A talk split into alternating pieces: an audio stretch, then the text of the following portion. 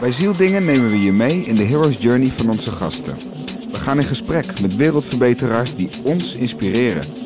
We gaan op zoek naar de dingen die hun ziel verrijkt hebben om ervan te leren en deze met jullie te delen. Enjoy!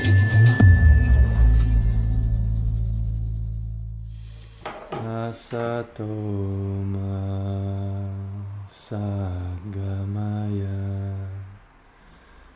Tamasoma Jyotirgamaya Mrityormamritam Gamaya Aum Shanti Shanti Shanti ah, Thanks. Wauw. Ik, ik voelde hem in mijn hart. Mooi. Mooi. Ja, dankjewel eh, Jos. En eh, welkom lieve luisteraars bij een nieuwe aflevering. En jullie hoorden hem net al even met een mooie opening. Jos Goosens is terug. Welkom terug Jos. Dankjewel man. Ik heb, Ja. hier, ik heb hier echt naar uitgekeken. Echt Ja. genoten van ons vorige gesprek. En ik ben sowieso fan van jullie als team en als podcast. En ik vind het mooi wat jullie doen. En eh, ik ben vereerd dat ik hier weer eh, met jullie mag praten. Ja, mooi, mooi. We hebben er ook enorme zin in. Eh, we zitten hier met Alan Ruud en ikzelf. En voor de mensen die de aflevering van Jos niet hebben gehoord, die wij twee jaar en een paar maanden geleden hebben opgenomen, die is zeker de moeite waard om even terug te luisteren. Het gaat onder andere over seksuele kung fu, Taoïsme en het pad van Jos, wat echt heel interessant en inspirerend is. En ook enorm lachen om die aflevering terug te luisteren. En eh, in de tussentijd is er enorm veel gebeurd. Want, ehm, nou, Jos, eh, je bent eh, in Amerika gaan wonen. Mhm. En daar ben je eigenlijk, heb je een nieuwe afslag genomen op, het, Mhm. eh, op je pad. Mhm. En daar willen we het vandaag uitgebreid over gaan hebben. Ah, nice. Ja, dus ehm, ja, nou, ik bedoel, laten we er gewoon induiken. Ik, ik ben heel benieuwd als eerste eh, hoe jij, ja, hoe kwam je erop om naar Amerika te gaan? Want Mm. eh, ja, dat is niet iets wat je gewoon zomaar eh, even doet, lijkt me. Nee, het was ook niet echt een vrijwillige keuze. Nou ja, ik heb uiteindelijk wel zelf de keuze gemaakt. Niemand heeft me gedwongen, maar ik eh, ben verliefd geworden op iemand die daar woont. En ehm, die vrouw, inmiddels mijn vrouw, Oh. we zijn getrouwd. Oh, ja, Dank ja. je, dank je. Gefeliciteerd nog. Die, ehm, ja, we zijn nu alweer meer dan een jaar getrouwd. Ehm, en zij werd ziek. Eh, we hebben elkaar eh, in 2020 in maart, toen de corona-ellende hier begon, ehm, gaf ze hier een lezing. Ehm, zij is ook een Taoïstische trainster en eh, schreef training in het Jade Ei. Ehm, nou, dat is ook nog een heel onderwerp. Ik weet niet of we daarin willen duiken, maar in ieder geval seksuele technieken, gezondheidstechnieken voor vrouwen. En mijn organisatie, waar ik een onderdeel van ben, Vallei Orgasme, huur daarin om hier trainingen te komen geven. En wij zijn verliefd op elkaar geworden. En ehm, dat was fantastisch. Alleen eh, corona begon en ik was al ziek in die tijd. En eh, toen zij kwam, ik merkte dat ik niet meer kon ruiken. Maar corona was toen nog helemaal geen ding. En eh, ik, ik merkte wel van, ik ruik helemaal niks meer. Maar ik dacht, ja, ik ga me er gewoon overheen zetten. Zij komt hier vijf of zes dagen heen. Ik ga niet nu ziek zijn. Dus ik ben gewoon naar lezingen geweest. En ja, eh, gewoon tussen de mensen. En uiteindelijk heb ik haar ook aangestoken, denk ik. En ik was binnen twee weken weer beter. Maar zij werd zieker en zieker. Ze is terug naar Amerika gegaan. Nou, na drie maanden denk ik, dachten we, ze zal, eh, ze zal voor een paar maanden wel beter worden. Na een half jaar dachten we, nou, misschien over eh, binnen het jaar. En nu ja, blijkt ze long covid te hebben. Ik weet niet of jullie daar bekend mee zijn. Lang niet iedereen kent het nog. Maar in ieder geval een, een variant van covid die ze nog niet goed begrijpen. Eh, zeg maar 15 tot 10 procent van de mensen op een of andere manier houdt klachten. Na Mhm. drie maanden nog steeds. En dan heb je ook allerlei variaties in wat voor soort klachten en hoe, hoe erg het is. Maar zij heeft wel een hele heftige variant te pakken. Dus zij heeft ja, nog steeds zeer ernstige symptomen. En zit dus nu al twee jaar en drie maanden ziek zijn. Wow. Ehm, Hoe, hoe oud dat zich? Hoe oud zij is? Nee, nee, nee. Hoe, hoe, hoe, hoe zag dat uit? Lijkt Oh, hoe uit het, uit het zich? Nou, in eerste instantie gewoon zoals COVID, met alle rare dingen die COVID had. Weet je wel, met bizarre hoofdpijn. maar bij haar eh, zaten er ook eh, eh, neurologische verschijnselen bij. Dus haar zenuwstelsel en haar hersenen waren dingen niet goed. En ehm, ja, dat, dat begon zich langzaam chronisch te worden. Dus niet goed slapen, ehm, extreme vermoeidheid, rare hoofdpijnen, bizarre aanvallen van jeuk, Mm. ehm, eh, maagproblemen of spijsverteringsproblemen. Het hele systeem is ontregeld. Maar ah, Oké. had ze Ja. daarvoor niet helemaal niks hiervan? Of is er ook iets anders nog wat er ook bij komt? Nee, ze was, eh, ze was kerngezond. Ze Hmm. was echt zo'n heerlijk, eh, ja, zo iemand die eh, echt Qigong practices aan de wereld doorgaf. Dus echt iemand die gewoon flink op het pad zat en eh, ja, echt wel iets radiance had. Wel. Ze straalde echt. Eh, ze had wel ooit Lyme opgepikt. Nou, Lyme werd bij haar ook chronisch. Maar ja, dat zit dan eh, nog een beetje verstopt in je systeem. En als je immuunsysteem te zwak wordt, kan het er weer uitkomen.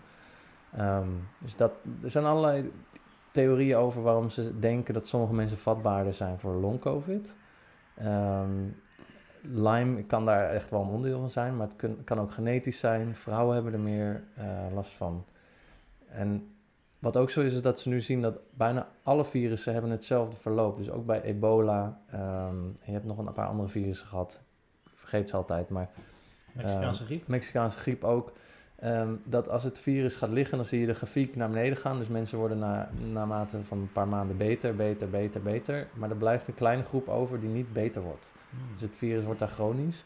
Nooit niet of... Nou, het raakt nooit het nulpunt. Dus er zijn mensen die nooit beter worden. Wel Wow. steeds meer mensen worden beter. Dat Ja. groepje dat niet beter wordt, wordt steeds kleiner. Dat slinkt gewoon, ja. En ze weten dat dat, een dat dat speelt met virussen, maar ze weten niet waarom. En ze hebben natuurlijk ook nooit echt goed onderzocht, omdat de aantallen te klein waren. En nu heb je dus letterlijk miljoenen mensen die in deze situatie zitten. Dus nu is de wetenschap er wel mee bezig. Ook veel artsen die erdoor getroffen zijn. Er zijn ook heel veel mensen die gewoon gezond waren en nu dus long-covid hebben.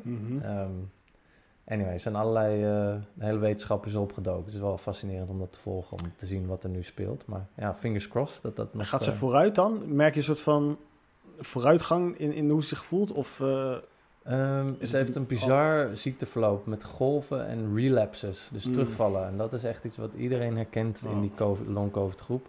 Dat je denkt, ah, ik voel me wel weer beter. En dan kun je één week denken, nou, ik ben er doorheen. En dan word je echt keihard weer gevloerd. hmm. En dan kun je gewoon weer een maand echt ziek zijn. En dat heeft zij ook heel vaak Wow. gehad. Dus ja, ik was, ehm, ja, ik was nog in Nederland. Zij werd zieker, zieker en alle grenzen gingen dicht. We waren letterlijk op het vliegveld toen Trump eh, de ban aankondigde. Ik weet niet of je nog weet. Ja. dat weet ik nog wel. ja. Ja, Ah, het ja. had echt iets filmisch. Trump had, was natuurlijk al een soort filmkarikatuur. Maar dat hij dan ook nog zei van ja, ik gooi gewoon de grenzen dicht voor alle landen. Niemand komt Amerika weer. Mhm. Had echt iets van wow, de, nu is de wereld echt in een En, situatie. en waar zat jij toen? Ik was toen op Schiphol. En wij hebben haar toen op het laatste vliegtuig letterlijk gezet. We hadden toen de keuze van blijf je hier of ga je weg. Mhm. Zij is toen op het laatste vliegtuig waar we haar op konden krijgen gesprongen. En toen eh, ging alles dicht. Is zij dus zieker geworden en kon ik daar dus niet meer heen. Oh, dus toen hebben we, hebben we elkaar eh, uiteindelijk negen maanden niet gezien. Tot ik uiteindelijk via Mexico was het enige land waar je nog als Nederlander in kon. En Roemenië geloof ik. En via Mexico kon je nog vliegen naar Amerika. Dus ik ben in Mexico geweest, daar nog twee weken geweest. Ook fascinerende reis meegemaakt. En, ehm, en toen naar Amerika. En toen ben ik daar beland. Nou, toen zijn we getrouwd. En daar ben ik de laatste anderhalf jaar geweest. En nu ben ik net weer even terug. Ah. Ja. In Mexico moest je in quarantaine, toch? Twee weken daar verplicht of zo? Ja, je kwam als Europeaan, ehm, mocht je, moest je ergens twee weken soort je, je Europese bacteriën en virusdeeltjes van je afschudden. En moest je twee weken wassen. En dan, dan mocht je van Trump het land in. En ehm, ik had een Mexicaan ontmoet. Ja, het klinkt wel, dan duiken er wel lekker in. Maar op een, op een reis, een pilgrimage, eh, een pelgrimstocht Mhm. Naar Assisi. ehm, waar, Hij, hij was dat aan het doen. Of, ja, ik, ik ging daar mm, eh, aan meedoen eh, met een Indiaanse leraar. En dat was ook mijn eerste kennismaking met een Indiaanse, ja, hoe zeg je dat, leraar? Eh, Ja. Inspirerend figuur. Die daar eh, ons twaalf mannen meenam op een pilgrimage van een plek in Italië naar het klooster in Assisi. Een weg die ehm, Franciscus ooit heeft gelopen. Ik weet niet of jullie Franciscus kennen. is een heilige in de, in de katholieke kerk. Ja. En eh beschermheilige ook van de reizigers Mhm. en ehm, de dieren. Ehm, hij staat altijd afgebeeld als met duiven op zijn hand. Hij praatte met dieren, dat stond heel bekend. En ehm, ja, hij heeft ooit die tocht afgele- afgelegd omdat de, de kerk aan het afdrijven was van zijn principes en het ware geloof. En hij is toen ja, letterlijk op pad gegaan om de paus eigenlijk te zeggen van ja, eh, dit kan zo niet langer. Nee. En die tocht is beroemd geworden omdat hij een, een echte bijzondere man was. Dus overal waar hij kwam ontstonden dingen. Eh, mensen, eh, hoe heet het, ja, gingen hem volgen en luisterden naar hem. Dus de kerk wist dat hij machtig was. Dus ze waren Hmm. echt oprecht ook zenuwachtig dat hij kwam. Ze hoorden van, oké, Franciscus komt aan, hij is lopend. En overal waar hij komt, ehm, ja, eh, raken de mensen geïnspireerd door hem. Mhm. Dus dit was nou, zo'n typisch iets, wat je net als de heksenverbranding, hè, van de mensen met inzicht, eh, en, eh, niet bang om hun mening te geven, misschien ook spirituele gaven, die eh, werden als eerste natuurlijk de mond gesnoerd. Maar hij was te groot om dat te doen, dus ze hebben naar hem geluisterd uiteindelijk. En er is ook wat veranderd in die tijd. Ik weet niet precies wat ze precies hebben gedaan, maar het is een bekend verhaal dat hij daar succes heeft gehad. Ze Mhm. hebben naar hem geluisterd, ze hebben een aantal dingen gewijzigd. En daar een Mexicaanse jongen ontmoet in die reis. En via hem, eh, hij, heeft, hij heeft mij toegelaten in zijn leven in Mexico. En ja, ook aan zijn spirituele leraren voorgesteld. En, Allemaal in die twee weken is dit gebeurd. nee, die eh, pelgrimstocht was één week. Toen kwam ik terug en vier weken later ben ik toen naar Mexico gegaan. En daar ben ik 2,5 weken geweest. Pelgrimtocht Ah. was in Italië. Pelgrimstocht was in Italië, ja. ja. Check. Oh, Ja. en, en daar heb je dus het eerste contact gekregen met een eh, soort leraar. Ja, een Indiase leraar. Achtergrond uit Ja. India. Ja, ik wil hem dan- ook wel noemen, want ik kan iedereen aanraden om zijn boeken te lezen of hem eens op te zoeken op YouTube of zo. Su- Sujit Ravindran. Ehm, niet per se een hele bekende leraar, maar wel echt iemand die gewoon zijn hele leven heeft toegewijd aan ja, surfing. En eh, Mhm. zijn specifieke ehm, ja, missie is echt mannenwerk. en mannen, ja, spiritueel ehm, te inspireren, maar ook gewoon de cijfers voor mannen, bijvoorbeeld voor depressie, zelfmoord, eh, agressie, gevangenis. Al die cijfers zijn bij mannen vele malen hoger dan bij vrouwen. En ja, wat zit daar eigenlijk achter? En hij is daar al jaren mee bezig. En ehm, ja, op een fenomenale manier. En hij, eh, Kan je, dit- kan je een voorbeeld geven wat je is bijgebleven, wat daarachter zit? hmm, Daar ben ik wel heel nieuwsgierig naar. Van zijn werk bedoel je? Nou ja, je zegt dat, dat eh, je zelfmoord, depressie, Hmm. eh, je noemt volgens mij nog iets. Wat, Ja. wat, wat een stuk hoger ligt bij mannen dan Ja. bij vrouwen. Ja, Ehm, waarom is dat? ja goede vraag. Ik vind het ten eerste al interessant om dat waar te nemen. Omdat dit dus niet iets is wat je vaak hoort. Op een of andere Nee. manier is het, is het eh, mainstream of maatschappelijk... Het gesprek gaat nu over de vrouw, lijkt wel. En, ja, ehm, al, al een tijdje. Ja, en ik denk ook dat dat, dat, dat oké is. En dat er ook eh, ruimte en tijd moet zijn om daar naar te luisteren. Maar het betekent natuurlijk niet dat de man daar niet ook een, ehm, een, ehm, een helende reis in heeft te maken. En niet alleen op de manier zoals we het op tv horen... van dat mannen alleen seksuele roofdieren zijn, enzovoort, enzovoort. Maar de echte kern, wat jij ook zegt, van... Nou, we hebben net dat Johan Derksen verhaal natuurlijk gehad, bijvoorbeeld. Ehm, ik weet niet of jullie dat gevolgd hebben. Dat Johan Derksen Ja, de- ja, die had ook een, een misstapje gemaakt in het verleden, geloof ik. Hij heeft in het verleden iets eh, seksueels gedaan waar hij zich voor schaamde. Nou, dat biechtte hij op in een tv-programma. Dat was verder totaal niet de setting daarvoor. Eh, er werd op gelachen. Maar hij om zei dat hij een kaars eh, in een vagina ja, had dat hij een vrouw eh, met een kaars had gepenetreerd. Later zwakte hij dat verhaal af naar gewoon tussen haar benen had gezet. Maar in feite, even los van de hele setting, had je daar een man die eigenlijk wel zei, in zijn, echt- in zijn eigen woorden... "Hi- Ik heb iets gedaan waar ik niet trots op ben. Mhm. En dit is het. En dan zie je wel dat in onze maatschappij daar nog niet heel veel ruimte voor is, voor dat gesprek. Nee. Ehm, nou, en dat, daar zijn dus, maar dat betekent niet dat dat gesprek niet wordt gevoerd. Misschien niet in de mainstream en in de media, maar er zijn een heleboel mannen hiermee bezig. En eh, mannenwerk is ook iets wat ik iedereen kan aanraden als je Ja. dat interessant vindt om eens een keer naar een mannencirkel te gaan. Ehm, hebben jullie daar ervaring mee? Ja, ik eh, heb eh, drie verschillende mannenwerkweekenden gedaan. Mm. Het waren met een aantal eh, therapeuten, sy- systeemtherapeuten en eh, noem maar op. En die deden het aan de hand van een soort mythisch verhaal met ook een soort hero's journey. Hmm. Zo'n heel weekend lang met een groep mannen. Eh, en eentje daarvan heette vrouwenwerk, de andere was krijgerswerk. En als kerst op de taart koningswerk. Nice. En, ja, dus ik heb daar wel iets van ervaring mee. Jawel. Ik heb Cool. Ja, ja super cool. Ja, het, naar mijn, in mijn beleving is het echt mega effectief. Het is een van de dingen die bij mannen echt het snelst resultaat zie opleveren. Als je mannen in een club bij elkaar zet. Als je het niet eh, in een sacred container doet, dan wordt het heel snel lachen. Ja. En dan wordt het voor mannen best wel moeilijk, vind ik, om die diepere laag te pakken met z'n allen. Maar als je die sacred container meteen neerzet, dan is het voor mannen op een of andere manier, verbaast me altijd over dat meteen iedereen zich opent, meteen een broederschap er is. En dat er dingen worden gedeeld waarvan ik denk, wauw. En eh, ja, dan, ik weet niet, ontstaat een soort bijna gemeenschappelijke oervader-archetype. Dat, Mhm. Weet je wel, waar, waar je eigenlijk naar snakt. Je wil een soort, nou ja, een- inderdaad een, een hero's journey. Je wil een, een, held, een heldhaftig voorbeeld hebben. En het is heel moeilijk om dat in één iemand te vinden. Maar op een of andere manier, als je het met z'n allen bent... En broederschap misschien ook. Dat hmm, het heel belangrijk is dat dat heel erg gemist wordt. Waarin je gewoon eerlijk naar elkaar kan en bent. Kan zijn en, en bent. Ik merk wel dat het een beetje mainstream begint te worden. hmm. Ook de NPO is er steeds meer aandacht voor. Kwam ik altijd al tegen. Mannencirkels. Volkskrant Magazine was ook een heel artikel erover. Dus je merkt, tenminste ik merk wel dat het een soort van opborrelt nu. Dus dat is wel interessant. En een goede zaak. Een goede zaak, ja. Het is wel nodig. Het is heel erg nodig. Ja. Dat, dat vind ik soms het jammer aan dat het gesprek eh, op tv nooit verder gaat. Dus op een of andere manier, de, de schaduw is gewoon niet, niet een concept waar onze maatschappij makkelijk mee omgaat. Mhm. Op het moment dat je je schaduw op tafel legt, Ja. Johan Derksen deed dat wel echt onhandig. Maar als je... Als je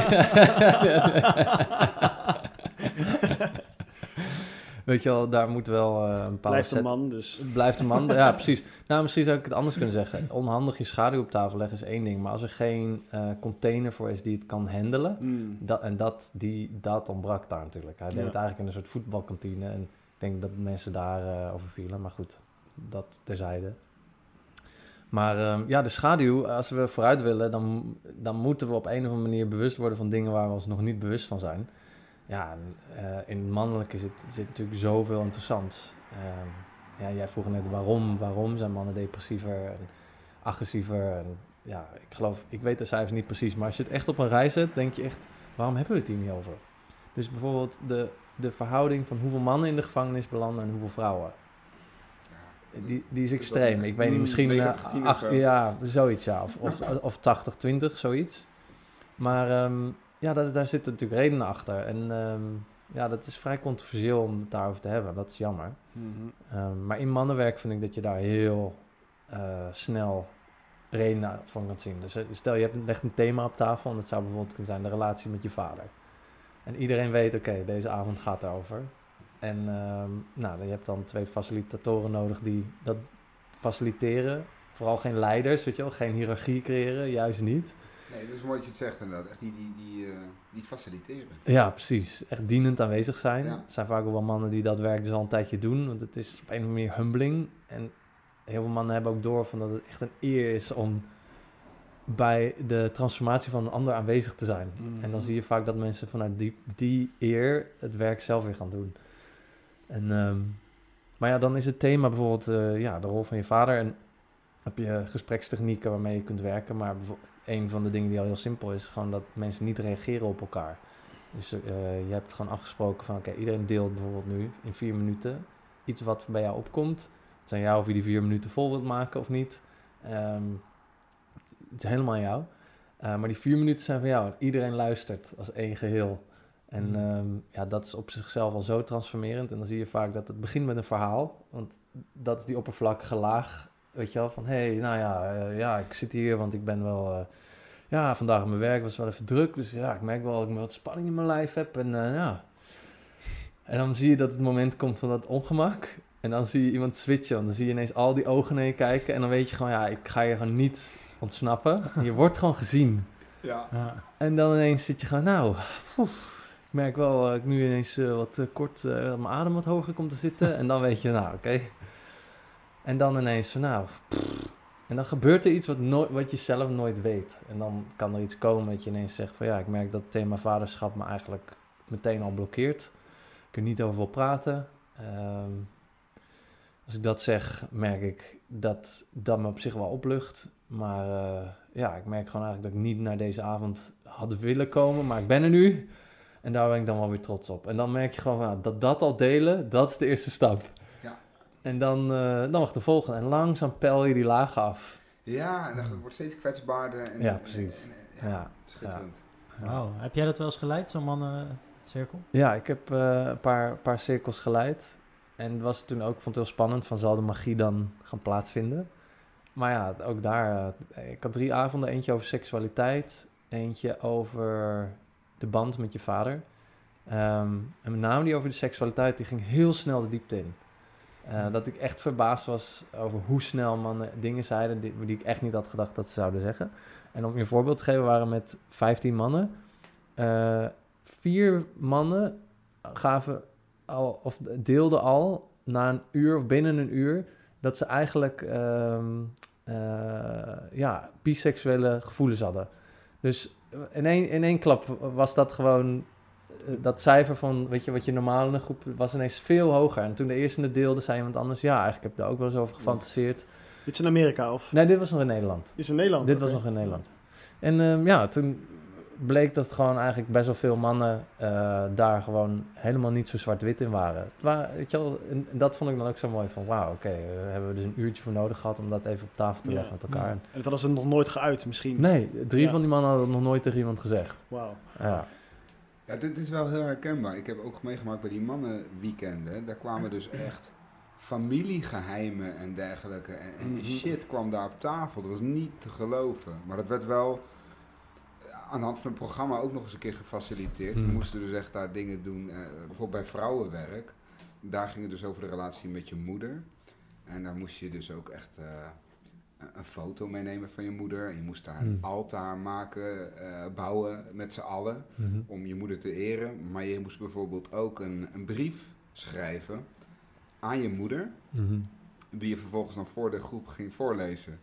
En nou, dit er werd er wat afgehuild en Mm. gedaan. Het, het was echt... eh, Ja. en de broederschap inderdaad, dat Ja. herken ik ook zo sterk. Het einde van zo'n weekend, niet te geloven. Ja. En dat- al had het maar één avond geduurd, dan, dan was dat er ook al. Ja. Want net wat je zegt, dat, dat, dat ging zo rap.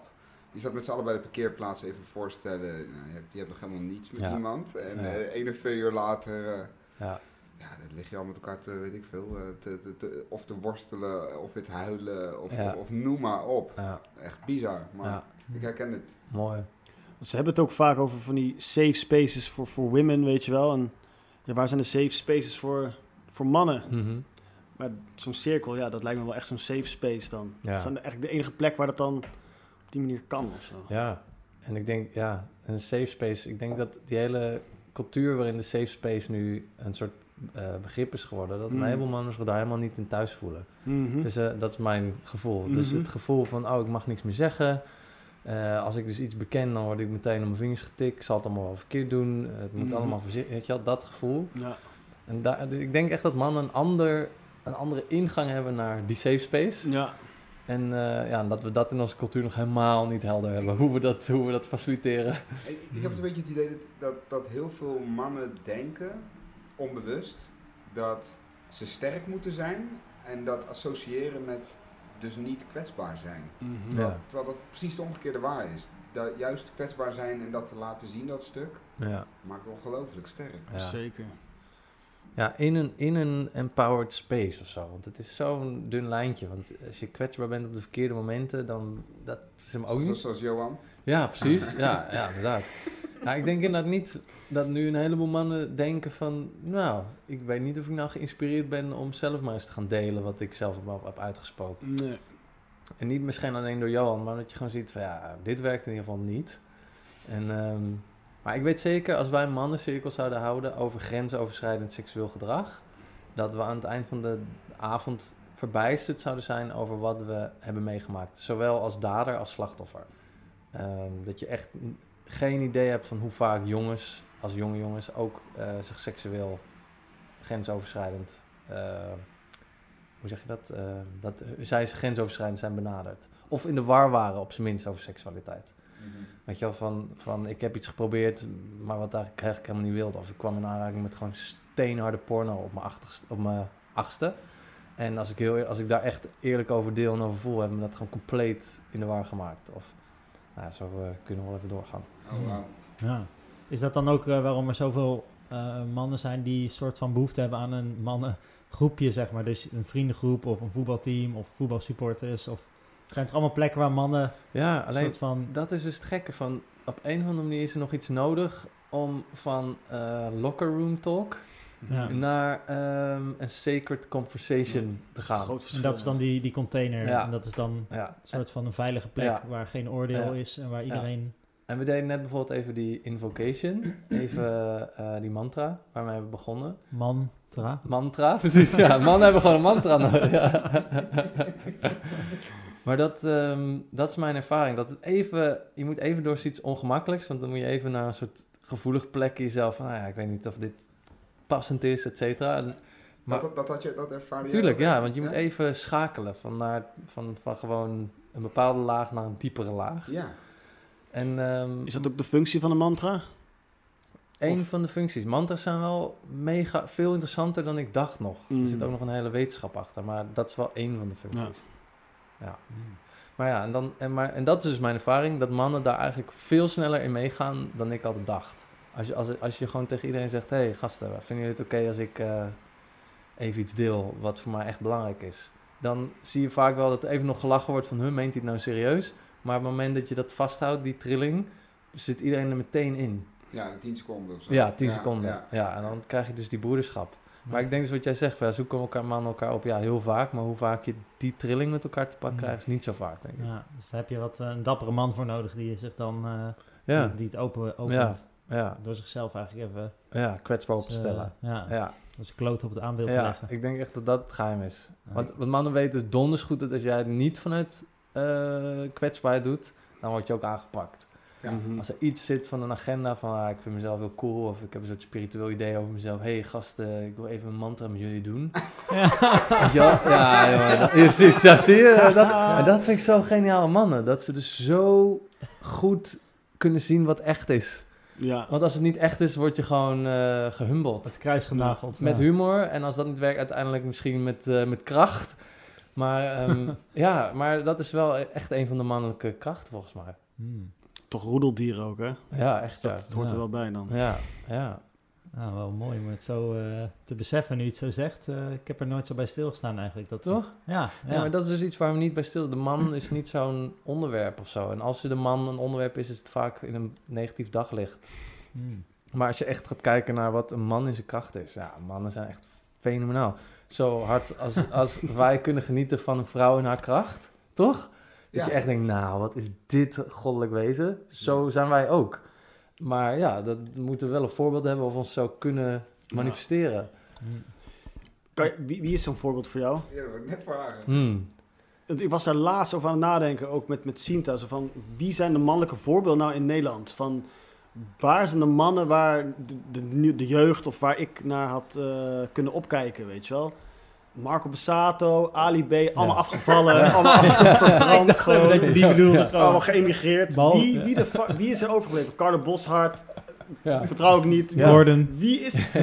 Misschien is Gordon nog de ene... Nee. Goor. Maar wie, wie, wie, wie, wie is dat? In Nederland of in de wereld? En in de wereld zijn er Ja. wel veel meer. Maar Ja. gewoon in Nederland, ik, ik, ik moest echt heel hard nadenken. Ik. En, eh, ja, ik vind het ook lastig. Ik heb er ook best wel tijd eh, een beetje bitter over geweest. Omdat het woord idool, wat we ook gebruiken voor popsterren en al die mensen die dus eh, Ja. op een of andere manier op zo'n podium staan, is een religieus woord. Of, of misschien niet eens religieus. Het is een woord wat uit het bewustzijn komt. Het is iemand eh, die ehm, bijna goddelijke eigenschappen heeft. Dus iemand die het menselijke overstijgt.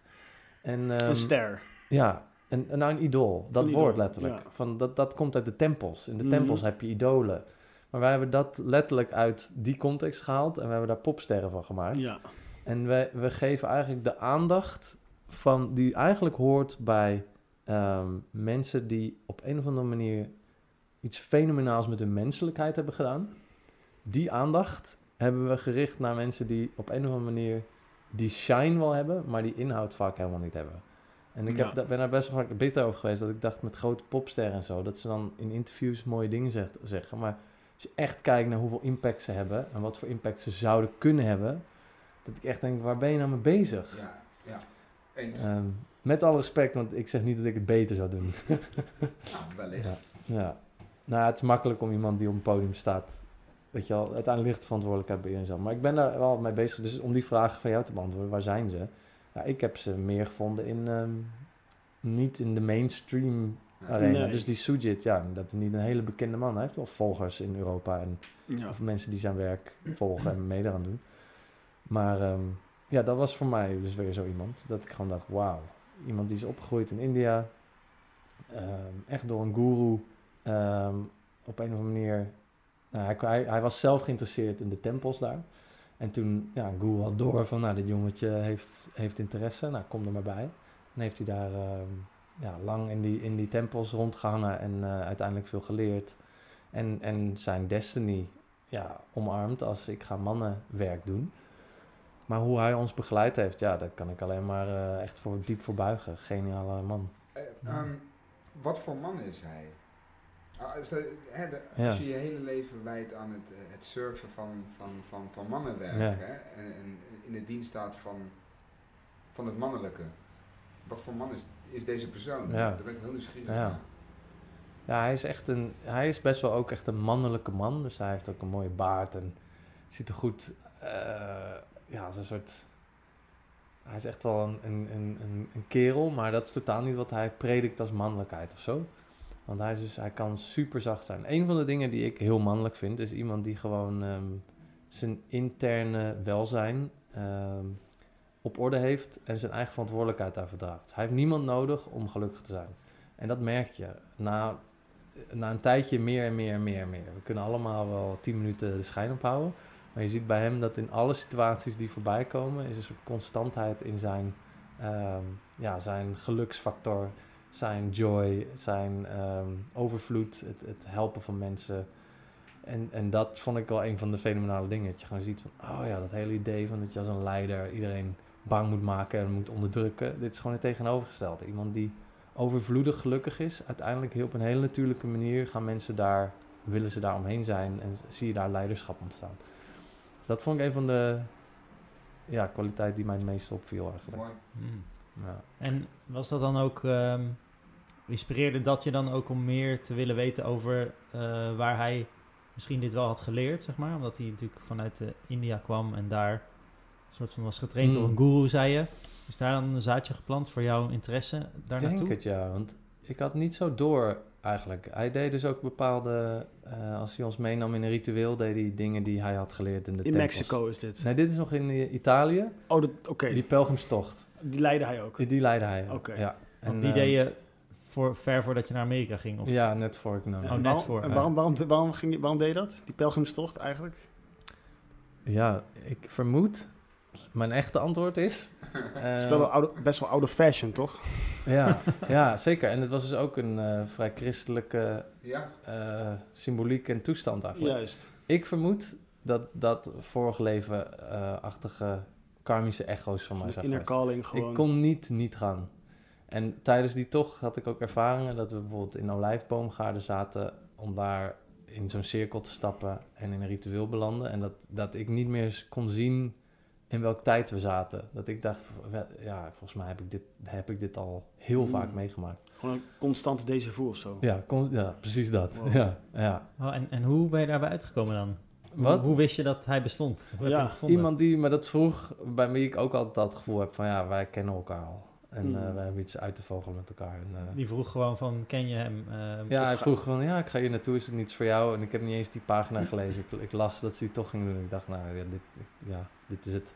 Dit- ja, hoe nou, lang, hoe lang is die tocht? Het is toch een hele, hele lange tocht? Of, of- Ehm, hoe lang is die tocht? Ehm, nou, wij hebben er zeven en een halve dag of zo over gelopen.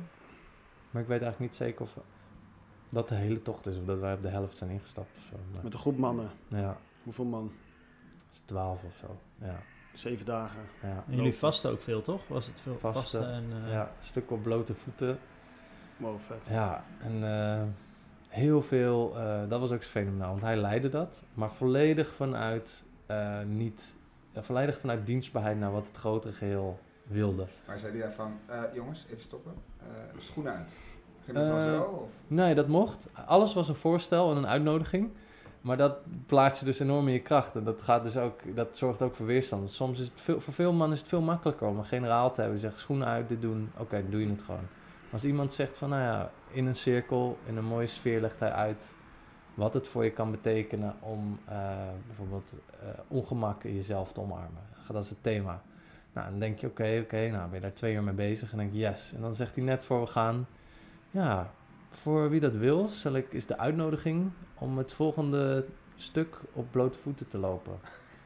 Ja, en dan voel je je dus ineens, dan is het jouw keuze. Ja, sommige mannen deden dat wel niet. En, maar dan kom je dus alles in jezelf tegen. Van vergelijken, hij doet het wel, ik niet. Oh, ik ben een mietje en hij niet. Weet je, ah, het is echt... het is bizar wat er al meteen eh, in gesprekken in jezelf op, opkomt, zeg maar. En dat was, dat was nou net de training. Van, het ging niet over dat je nou letterlijk gaat lijden omdat je... Maar dat, dat is het. Ja. Dat je die keuze voor jezelf kan maken. Want als jij bijvoorbeeld een blessure hebt, dan moet je voor jezelf beslissen: ik ga dat nu niet doen. Mhm. Ook al doet iedereen het wel, ik doe het niet. Ja. Dat is dan jouw les. Nou, dat begeleiden heel mooi. Ik heb eh, delen wel op blote voeten gelopen. Maar het vaste was voor mij het zwaarste. Dat vond ik echt heftig. Ook omdat dat op momenten kwam dat je het niet verwachtte. Dat die uitnodiging, dan had je een hele dag gelopen. En dan kwam je bij je diner aan. En dacht je, eindelijk, weet je wel. En dan stelde hij voor van, nou...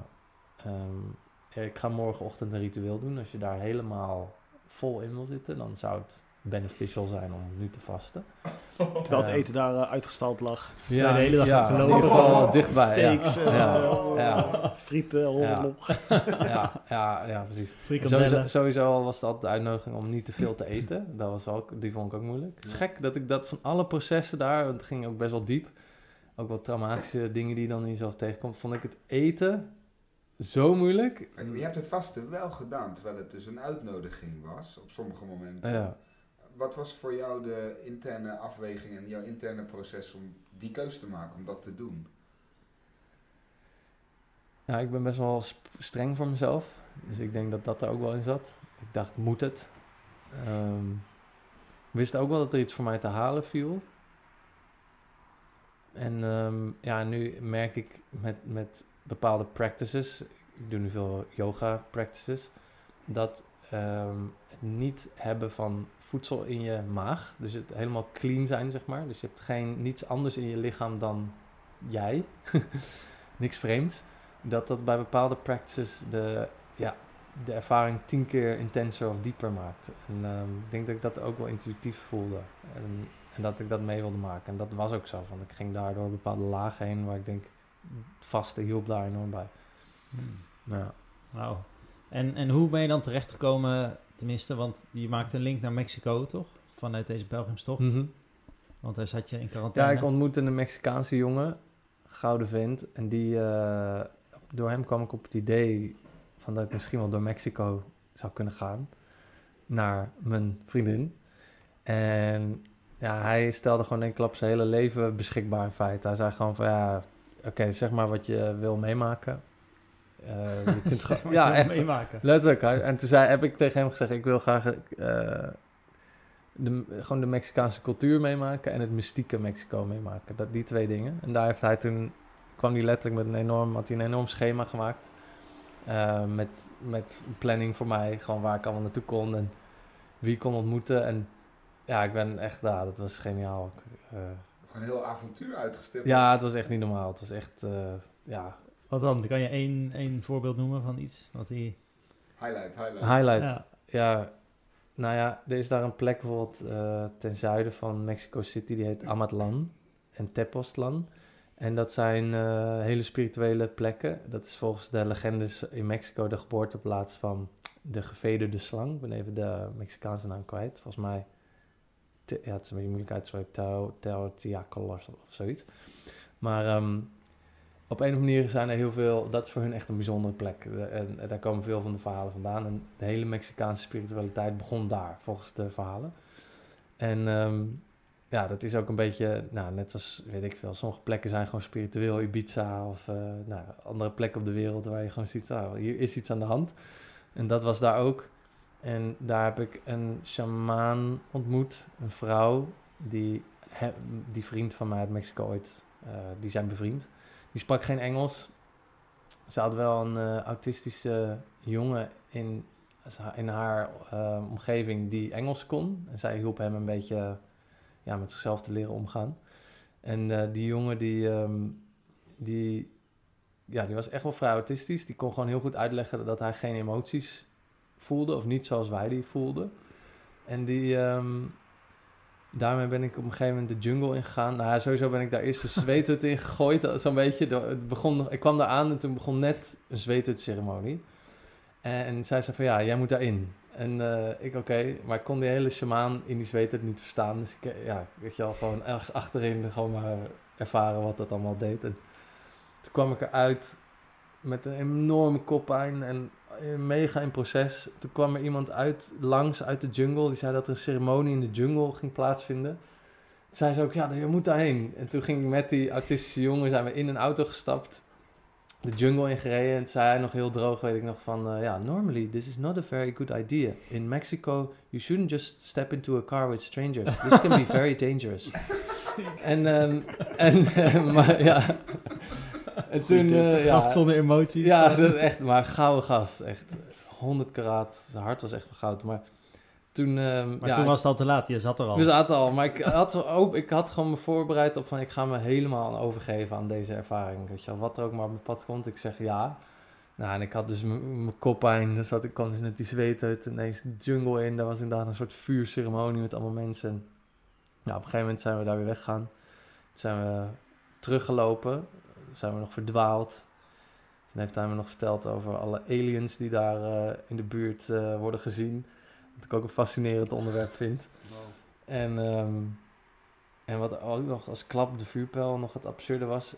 ehm, mijn bijnaam was Joza. Mensen noemden me altijd Joza. En ehm, op een gegeven moment vroeg hij mij van... Ja, doe jij even een nickname? Ik zei, ja, eh Joza. En ik denk dat hij op dat moment de enige persoon in Mexico was... die mij kon vertellen wat dat betekende. En hij zei gewoon, oh, that's very interesting. En hij had een fascinatie voor talen vanwege zijn autistische neiging. Zei hij in Old Gaelic, um, this means Jesus Christ. Dus ik had gewoon, ik had dus net die zweetend ervaring, was helemaal open. Daarna we die ceremonie geweest, terug door de jungle, gewoon echt niet meer weten wat links of rechts is. Dat hij me ging vertellen dat ik mijn bijnaam Jezus Christus betekende. ja, dat is een van de voor, voorbeelden gewoon hoe ik daar heerlijk een avontuur heb meegemaakt. Wow, Oh, man. mooi man. En, en, dus, en toen op een gegeven moment eh, is het avontuur soort van beëindigd en toen ging je naar Amerika. Ja, ja, inderdaad. Nog wel een heleboel avonturen. Toen naar Amerika en in Santa Fe, New Mexico beland. Wat ook wel een bijzondere plek is. Hoog in de bergen. Je zit daar op 2,7 kilometer hoogte. Wat Wow. ook wat doet. Ehm, gewoon met je hele zijn. Sowieso omdat het dan minder zuurstof is. Maar het, het, het, het doet iets met mensen die daar wonen. Het is een bijzondere plek ook.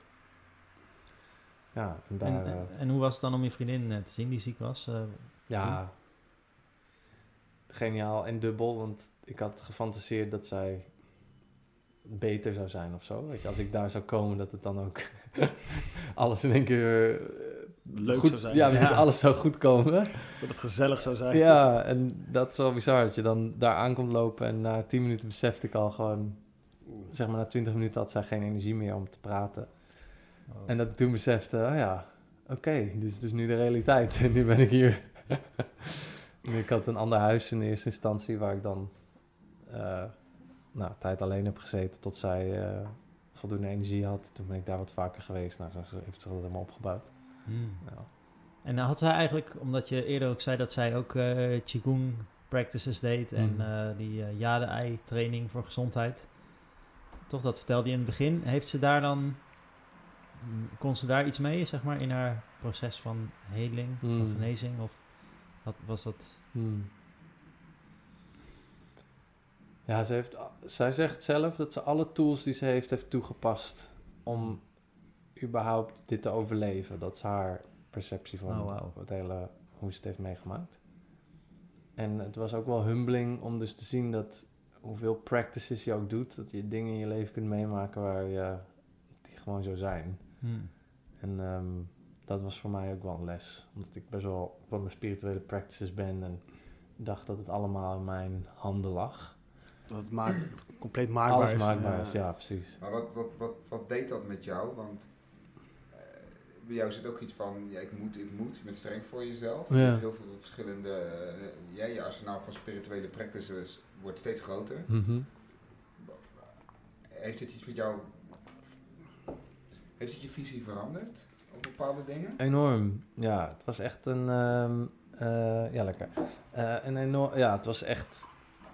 Ja, ze zegt toch heel vaak dat, je, dat het zo'n proces is van.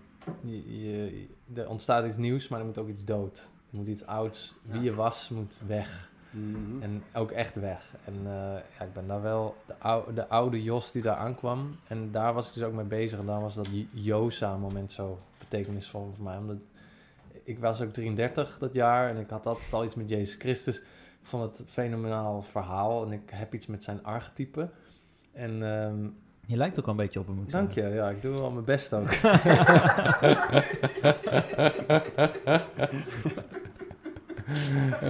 God, joh. het niet zeggen. Ja. ja, nee, ik weet nog, wel- jij weet het misschien op mijn 33ste verjaardag, dat ik toen ook zei van ja, de leeftijd van Jezus Christus, weet je wel, dat hij, eh, dat hij, dat hij zijn volledige potentie heeft bereikt. Maar ja, ook het jaar dat hij dus volledig aan het kruis is gespijkerd. Dat, verga- dat vergat ik voor de gezelligheid even. Ja. Nou, ik denk niet dat ik Jezus Christus ben of zo, hoor, maar ik vind, ik vind het principe van die wedergeboorte fascinerend. En ehm, ik was daar heel erg mee bezig op dat moment. En ik voelde echt, die Jos die ik was, die kon gewoon niet handelen met die situatie waar ik in was beland. Hmm. Het was gewoon te pijnlijk om gewoon iemand te zien waar ik zoveel van hield, zo te zien lijden. En dan daar te zijn. Ik zat helemaal vast. De lockdowns natuurlijk ook, maar ik had ook mijn visum overschreden, dus ik kon ook niet weg meer. Ik moest mijn green card eh aangevragen, dat proces. En ja, ik zat gewoon met iemand die gewoon ja, heel erg ziek was in één huis, gewoon voor ja, heel lang. En ehm, op een of andere manier kraakte dat mijn hart echt open. Van ik, ik wou de hele tijd weg en dat het leven anders was. Maar ik de hele tijd maar weer naar omgedraaid, mijn hart geopend. Ja, en dan door iets heen wat pijnlijk is, maar wel, eh, ja, ook wel heel veel heeft gebracht. Je zegt je wilde de hele tijd weg. Eh, wilde je ook weg van haar? Hmm. Eh, ja, in de, daar, eigenlijk de situatie, waar natuurlijk zij een heel groot onderdeel van Ja, nou, het was gewoon heel helder. Er was een deel van mij wat gewoon heel solide daar aanwezig was. En snapte, ik ben een, in, een, in mijn levensinwijding beland. En ik moet dit meemaken. En zo goed als ik kan. Alleen, er was ook een deel van mij, weet je wel, wat wakker werd en dacht, dit is gewoon te zwaar. Ik trek dit niet. Ik heb verkeerde keuzes gemaakt. Dat is gewoon een Eh, grote interne battle. lijkt ja, ja, ja. Hmm. En door de practices heel braaf te doen. Dus ik ben daar heel erg hard gaan praktiseren. Echt vier, vijf uur per dag, elke ochtend, heel braaf. En ik merk dat dat het verschil maakte tussen aan de destructieve gedachten en gevoelens een gehoor geven of niet. Dus ik werd wakker en dacht, ja, dit trek ik gewoon niet meer. Eh, ik, je dan vroeg ik, heb je goed geslapen? En dan hoopte ik dat ze goed had geslapen. Maar dat had ze, dan was, ze gewoon weer, was het weer erger geworden.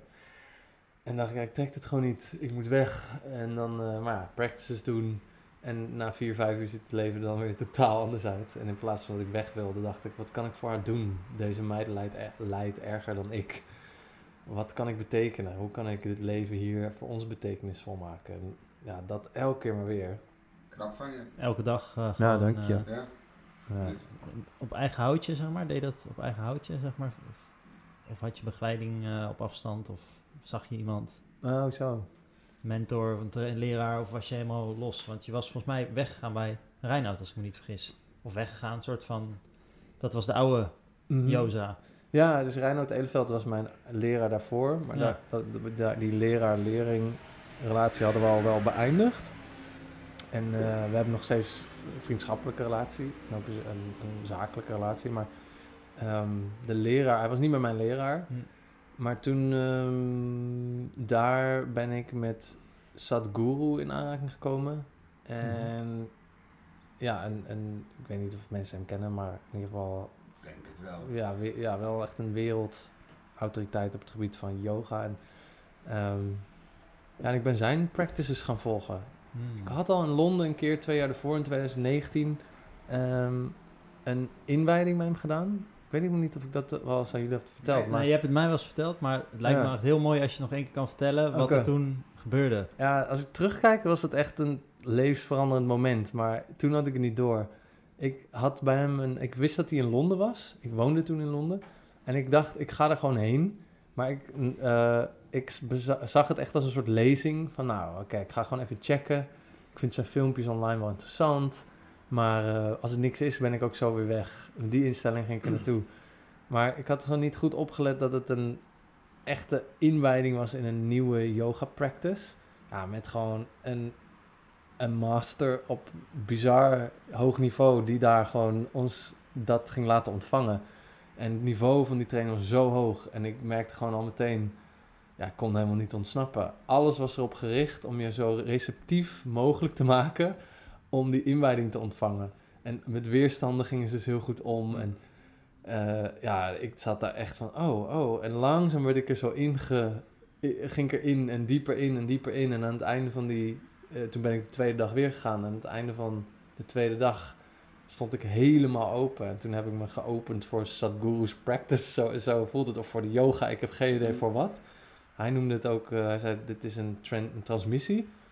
En ik, ik ga iets doen waar je zelf niet bij kan. Dus het is op een level waar, waar je een spiritueel zaadje planten, waar je zelf niet bij kan. En dat is omdat mensen alles waar ze bij kunnen, dat maken ze eigenlijk. Of mensen gaan van links naar rechts. Dus als ik jullie nu een zaadje zou geven waar je bij kan, kans is groot dat je over twee maanden denkt, nou, laat maar zitten, ik ga toch wat anders doen. Zaadje eruit, weet je wel. En hij zegt van ja, dat is de rol van mij. Ik ga op zo'n diep niveau iets bij je doen dat kun je niet aanraken. Het is aan jou hoe je het gaat manifesteren, maar dit kun je niet vergeten. En ik, ja, ik vond het best heftig toen om te horen. Ik dacht, ik weet helemaal niet of ik dat wil. Ik begon echt te zweten, weet je wel. Oh, dan gaat een of andere Indiase guru een zaadje in me planten. Zaadguru. ja, zaadguru. Maar hij vertelde niet wat het was. Dus dat is natuurlijk Ja, hij legt het helemaal uit in die dingen. Hij bouwt het helemaal op. Ja. En, maar je moet hem toch geloven op een soort... Ja, is de, ja vertrouw ik deze man? En ehm, uiteindelijk besloot ik... Oké, ik ga het experiment aan. En ik had helemaal niks met die yoga. Helemaal niks met gurus. Ik, echt, ik kon echt allemaal gestolen worden. Ik was veel meer in het, Taoïsme... en had een hele andere kijk op het leven. Maar ik heb me ervoor opengesteld... en dat zaadje heb ik denk ontvangen. En ik heb die practice die we daar leerden... denk drie dagen gedaan. Daarna heb ik het weggestopt. En nu pas zie ik van, oh ja, daarna is dat zaadje langzaam eh, gaan groeien en gaan groeien. Totdat ik dus twee jaar later ineens in New Mexico, ineens elke ochtend vijf uur in de ochtend die yoga practices aan het doen was. En ineens, ja, ineens was dat zaadje gewoon helemaal tot bloei gekomen. Dat ik denk, hé, hoe, hoe kan dit nou? Maar ja, het was, eh, ja. Maar je had toen toch ook een hele intense ervaring toen je dat deed of zo? Dat Mm. je helemaal eh soort van werd gelanceerd. Het was, het was letterlijk de mooiste ervaring. Ja, moet ik even denken of dat echt zo is. Maar ik denk in ieder geval echt een van de mooiste ervaringen die ik ooit heb meegemaakt. Die ik nog steeds met geen, ik krijg echt tranen van in mijn ogen als ik eraan denk. Geen woord kan beschrijven. Op een gegeven moment ging hij open of zo. Ja, alleen met psychedelische ervaringen gebeuren er soms dingen. Ik denk dat we allemaal wel ervaring mee hebben, toch? Dat er iets kan gebeuren wat gewoon niet te bevatten is. Gewoon. En op dat moment snap je het ja, daar gebeurde iets. Op een of andere manier snapte ik ineens wat daar gebeurde en ik kon alleen maar huilen. Ik heb, ik heb wel vier uur lang van pure schoonheid moeten huilen gewoon. Dit was in, Dit was in Londen. in Londen. Ja. Tijdens die twee ja, dagen. Ja, tijdens die... eh, De- Deed hij dat bij iedereen daar? ja, er zaten 2.500 man in zo'n hal. Ja, Allemaal gewoon helemaal... En dat, dat, hij, hij deed dat na, hij deed het naar al die mensen daar. Ja. Tegelijkertijd. ja, ja. Ja, ik ben gewoon heel nieuwsgierig, maar Ja. wat, wat deed hij? Ja, nou, ik kan het proberen uit te leggen in hoe hij het uitlegt. Ik, eh, laat ik vooropstellen dat ik echt geen flauw idee heb hoe het echt werkt. Dus ik heb niet eh, ervaring hiermee of zo. Maar hoe hij het uitlegt is gewoon dat er, er zijn verschillende dimensies in het leven. En ook ehm, ehm, ja, dimensies waar, die niet fysiek zijn. Ehm, dus daar speelt de fysieke dingen spelen geen rol. De wetten spelen daar geen rol, maar ze bestaan wel, die dimensies. En je kunt daar, en dat is misschien wel de definities van een mysticus, iemand die, of spiritualiteit nastreeft, iemand die eigenlijk voorbij het fysieke probeert te komen. Van oké, deze wereld is interessant, maar wat is hierachter? Wat is de bron van dit alles? Ja, er zijn mensen die daar eh, gewoon bekwaam in zijn en daar dingen kunnen manifesteren. En hij zei van, nou ja, in die dimensie ehm, gaan we iets maken. Een, een, een ehm, consecration heet het. En, ehm, en ehm, ja, in Nederlands zijn er niet echt woorden voor volgens mij. Maar een, een energetische manifestatie die niet fysiek is. Dus energetisch zou je al fysiek kunnen noemen. ehm, die wel invloed heeft op je leven. Juist. Hmm. En, en, op, en dan maar van hem vertrouwen dat het een positieve invloed heeft op je leven. Ja. Dat is wel een grote sprong in het diepe. Gewoon. Ja, echt ja. Voor de rest van je leven. Ja. gewoon Misschien wel Ja. verder dan dit leven. Ja. ja, en gurus zijn natuurlijk controversieel en terecht ook. Want ja, het gaat zo vaak mis en dan geef je over aan iemand... en dan blijkt het toch een beetje een halve garen te zijn... die je heeft opgelicht aan het einde van de rit... of seksueel misbruik, weet ik veel. Het is gewoon... En dan... Ja, ik vind het altijd wel tragisch... want daarna heb je, heb je bijvoorbeeld tien jaar van je leven geïnvesteerd... En dan eh, moet je na alles door de filter gaan halen nog een keer. Van ja, wat kan ik wel hiervan meenemen, wat niet, weet je wel. Hmm. En ehm, ja, Was ja. je daar niet bang voor dan? Dat, dat dat ook het geval zou zijn? Of? Gek genoeg, van alle leraren die ik heb gehad, voelde ik me bij hem het veiligst. Hmm. Maar ja, you never know. Dat Ja. zou wel een nachtmerrie zijn als ik nou over tien jaar weer hoor dat het bij hem eh, ook... Hoe, hoe, hoe is de energie van Sadhguru? Is dat, is dat een beetje een soort vaderlijke, Hmm. vaderlijke energie? Of, of hoe moet ik dat zien? Kan je er iets Hmm. over zeggen? Hmm. Nou, dan kom ik dus bij die ervaring op een of andere manier, want ik zag hem dus.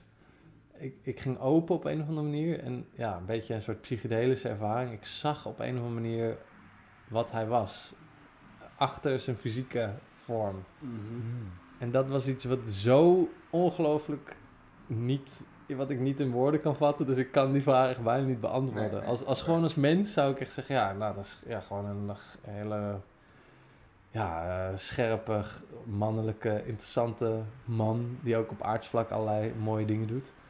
Maar als spirituele iemand of being, ja, ik heb geen idee. Dat, eh, dat, ja, iemand die, die op hoog niveau gerealiseerd heeft. Dus ook het mannelijke en het vrouwelijke op allerlei vlakken volledig uitontwikkeld heeft en in balans heeft. En het is dus totaal wild en intens, maar totaal ook zacht en compassie. Het is alles tegelijk of zo. Hmm. Denk je dat eh, jouw voorgaande training, voordat dit gebeurde, heeft geholpen met eh, de ontvankelijkheid? Dat je dit kon ontvangen omdat je een bepaald, Hmm. bepaalde, ja, bepaalde ontvankelijkheid had Hmm. in jezelf? Of Ja, zou iedereen dat gewoon denk meteen het. kunnen? Ik weet het niet. Ik denk, ik denk dat ik er wel hard voor heb moeten werken om dat te kunnen horen en daar te kunnen blijven zitten. En Zouden er ook mensen zijn geweest die, gewoon, die hem gewoon zagen? En dat niet- denk ik ook. Dat vind ik dus ook zo grappig. Dat het dus niet. Ik kan er geen pijl op trekken, want eh, mijn zus die is ook mee bezig. En die, eh, dit is voor haar eerste spirituele exploratie. Toen zei ik, nou, goede gast, eh, ik ga eens een cursus bij hem doen. Hmm. En ik zeg, wauw, nou, daar had ik eh, elf jaar voor nodig voordat ik, voordat ik dat kon. Maar, Ja. en, want, en, en, eh, even weer terug naar eh, je leven in Amerika, tenminste. Of wilde iemand nog... eh, Ja, jij nog wat eh, zeggen, Ruud? Ja, het bruggetje naar Sadhguru eh, in, in, in, je meest recentelijke eh, ervaringen. ja, ja, ja, precies. Want dit was het zaadje wat in 2019 dus was geplant. Ja, En in Amerika is het dus tot uiting gekomen. ja. En hoe heeft zich dat dan eh, geuit, zeg maar? Ja. Want, Nou ja, ik, ik ineens, ineens werd ik gewoon wakker. Ik denk, moet die practice die ik toen heb gekregen in Londen, wat, wat, was die practice ook alweer?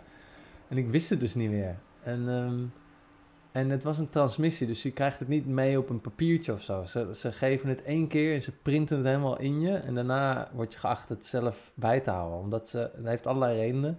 Omdat als je het op een papiertje heeft, ga je natuurlijk ook aan je huisgenoot geven, bij wijze van spreken. En dat, dat is echt niet de bedoeling. Het hele pakket ehm, hoort bij elkaar, want anders kun je jezelf eerder uit balans brengen. Het zijn echt krachtige technieken waarmee je gaat transformeren. Maar als je bijvoorbeeld één schroefje eruit haalt, ja, eh, dan kun je er hele andere dingen mee doen. Dus het is een heel pakket.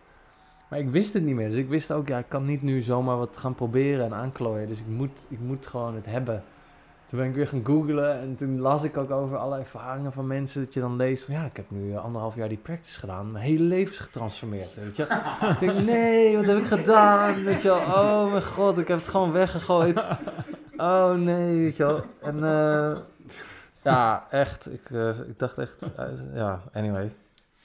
Volgens mij is dat gewoon het life of a guru. Gewoon dat je iets fucking waardevols geeft aan iemand. En dat je ze gewoon wegslopen. Dankjewel, dankjewel. Twee weken later gewoon, ja, nee, ik heb toch maar bedacht. Ik ben verliefd geworden op die. En ik ga nu dat doen met mijn leven. En die guru is echt gewoon, mijn god. Geef je gewoon een sleutel gewoon naar de hemel. Gewoon, gewoon weg. Ik denk serieus dat dat echt, echt gewoon bestaan van een guru is. Of een goede leraar. Dat je heel denkt, nou, gekker kan het gewoon niet. Oh. Maar ik was er dus ook zo in. Ik had echt de sleutel naar de hemel gewoon eh, achterover de- Je hebt de sleutel gevonden. Nou ja, toen ineens eh, bleek dat ze door corona, dat ze voor het eerst in, de, in die geschiedenis van hun organisatie die inwijding online gingen doen. En toen, nou, toen heb ik echt staan juichen in de woonkamer. En toen heb ik me daarvoor ingeschreven, heb ik het nog een keer gedaan. En toen ben ik die practice vanaf dat moment heb ik gewoon besloten, ik ga vanaf nu af aan de rest van mijn leven deze practice elke dag doen. En dat heb ik tot nu toe in ieder geval volgehouden. Die hele En dat practice duurt vier gewoon. tot vijf uur per dag. Wauw. Hè? Duurt vier uur per dag, toch? Of- Nou, het zijn een soort blokken. Er is één basispractice, die heet Shambhavi eh Mahamudra. En die heb ik gewoon gezegd van als ik die niet doe, dan maak ik ook een grap in mezelf. Als ik die één dag mis, ga ik naar de hel. dat zeg ik tegen mezelf. Wauw, heb je hem vandaag al gedaan? Ja, ik heb het gedaan. ja. Toen toen je die inwijding online deed, waren er nog wat eh, gelijkenissen met, eh, met de ervaring die je toen had en zoals je die in Londen had? Ja, nou nee, het was niet zo heftig als dat ik toen die eerste keer had. Maar het was wel, ehm, wel echt effectief. En als ik ook naar de mensen had het heel goed opgezet. En dan zijn er bijvoorbeeld ook mensen die live naar jou kijken door jouw webcam. Ehm, ze houden je echt heel erg bij de les. Dus je kunt niet opstaan en even water gaan drinken, dan gooien ze eruit. Nee, Ja. nee. Ja, omdat het dus, ze nemen het heel serieus. Ze zeggen echt van ja, mensen begrijpen het niet. Dus het is moeilijk voor te stellen van dat alles belangrijk is. Niemand heeft door waarom dit stapje belangrijk is. Dus mensen denken gewoon ja, ik ga wel even wat anders doen, weet je wel. Maar zij zegt ja, we gaan gewoon echt onder de motorkap iets bij je veranderen. Ja, dan, dan, dat is een mega verantwoordelijkheid. Ja, wij gaan die verantwoordelijkheid niet met jou aan als jij eh, daar niet vol eh, alles doet volgens het protocol. En dat, dat was voor mij ook zo nieuw. Dat hoort echt bij die organisatie ook. Isha heet die organisatie. Ja, jij bent ook geweest, toch, Alan? Ja, Hoe was dat voor jou? ik heb Angda Madana heb ik gedaan in Ja. Bokstel. En dat, daar merkte ik ook, was echt onder de indruk van hoe rigide en hoe structureel de training in elkaar zat. Het was twee dagen dan. Maar over elke seconde was nagedacht. Mhm. Je merkt gewoon heel erg Sadhgurus of die Isha Foundation, hun, eh, ja, hun professionaliteit of hun kundigheid. Of, dus gewoon echt heel erg merk je gewoon dat, het, dat, ja, dat er over, over alles is nagedacht. Om Hmm. gewoon precies zo effectief mogelijk eigenlijk de practice naar jou te, te ja, transmeren. Hoe noemen we dat? te, te- ja, transmitten. te ja. transmitten, ja. Ja, ik was er echt onder de indruk dat, dat je ook zelfs over... Dus op een gegeven moment moest je naar, het- naar het scherm kijken eigenlijk. En hoe, op welke manier je naar het scherm keek, dat was bij voorbaat was het bepaald. Zo van, ja. in deze houding, met deze handen zo. Ja. Zo kijk je in de tussenpauzes naar het scherm. ja. Dus dan heb je ook geen twijfel meer of, of je gaat zo zitten of je gaat zo. Of, nee, iedereen weet gewoon tijdens die en die... eh, ja, tijdens dat we naar het scherm kijken, moeten we gewoon zo zitten. Ja. weet je. Dus over alles is gewoon helemaal Ja. nagedacht. Dus dat is enerzijds eh, ja, een soort van een beetje sectarisch of een beetje vreemd. Ja, Aan de andere kant is het ook heel erg bevrijdend. Zo van, nee, ik hoef er niet meer over na te denken. Dit doen we gewoon met z'n allen. En we zitten gewoon met z'n allen op dezelfde manier. En daar heb je dus ook geen ruis Ja, en geen twijfel. Het is Ja. gewoon volle focus op, op wat er eh, gaande is. Ja. Plus ook dat die, dat vond ik ook heel mooi, dat je dan per oefening ook eerst zien en toen nog een keer herhalen. En dan nog een keer met je ogen dicht visualiseren en dan nog een keer herhalen en dan samen doen en dan nog een keer. Dus op die manier proberen ze het echt in je te prenten gewoon. ja, Ja, ik kreeg dan wel een papiertje mee naar huis, gelukkig. ja. ja, precies. Maar waarschijnlijk alleen met de volgorde van de dingen. Ja, alleen de volgorde. staat ja. niet op wat je moet doen. Nee, nee, alleen de, na, de, de naam inderdaad van de oefeningen. That's Ja, it, gewoon de blokken. Ja, en je bent ook in India geweest, toch? Ik ben ook in de ashram geweest, ja. De Isha of Sadhguru's ashram. Ja, dat was een super eh, mooie ervaring ook. En volgens mij wilde het ook die... Ik weet niet, jij hebt inner engineering gedaan of iets anders? Ik, dat is het eerste programma wat ik inderdaad heb gedaan. En dat is online ook. Maar die heb ik, dat is dus het programma wat ik in Londen heb gedaan. Ja. En de completion of zo van dat programma heet dan Shambhavi Mahamudra. En dat is, dus, dat is echt een inwijding. Dus dan gaat Mm. Sadhguru dus een zaadje in jouw planten. Ja, ja, ja. Ziek, hoor. Hij doet zijn naam eer aan. Ja, dat is de naam hier dan.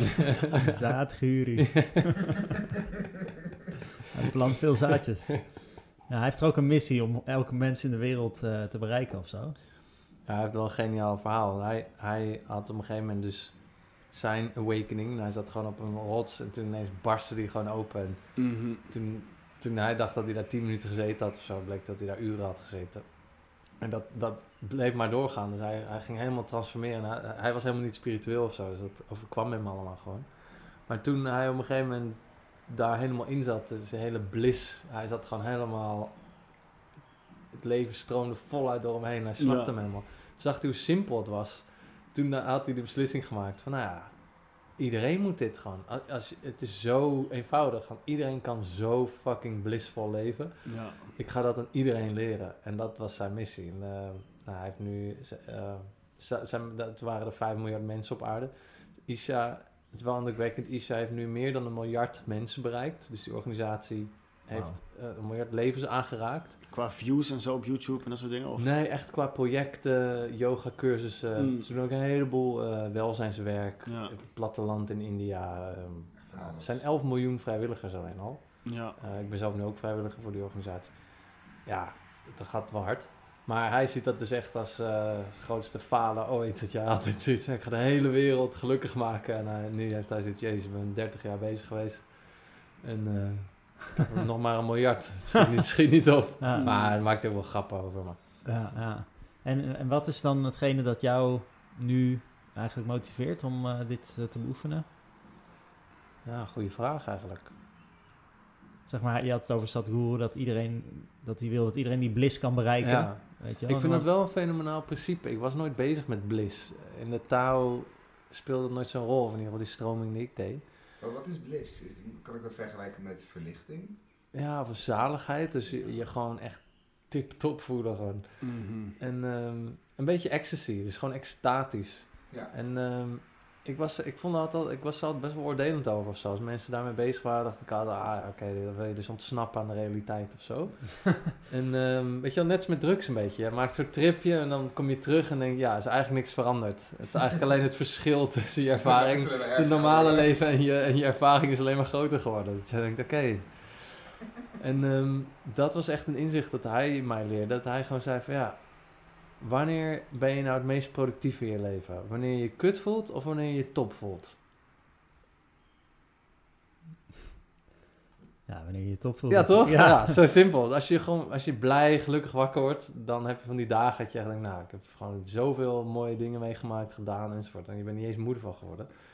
En hij zegt van, ja, dat is gewoon hoe, hoe, hoe, hoe fijner jij je voelt van binnen, hoe mooier mens je wordt van buiten. Zo simpel is het eigenlijk. En op een manier, dat kwartje was in mij gevallen, dat ik dacht, hè? Op een manier dacht ik eh, dat, het, dat dat mijn drive voor het leven zou weghalen of zo. Als ik alleen maar zou focussen op mijn bliss.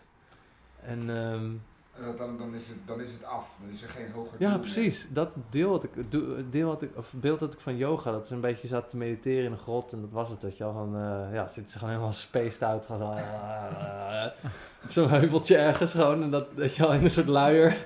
ja, ja, weet je als je zo blissed out bent, boeit je allemaal geen fuck meer gewoon. Ja, dat, dat beeld dat ik van yogis. En nu, en nu ben je het zelf. Nu ben ik er gewoon een.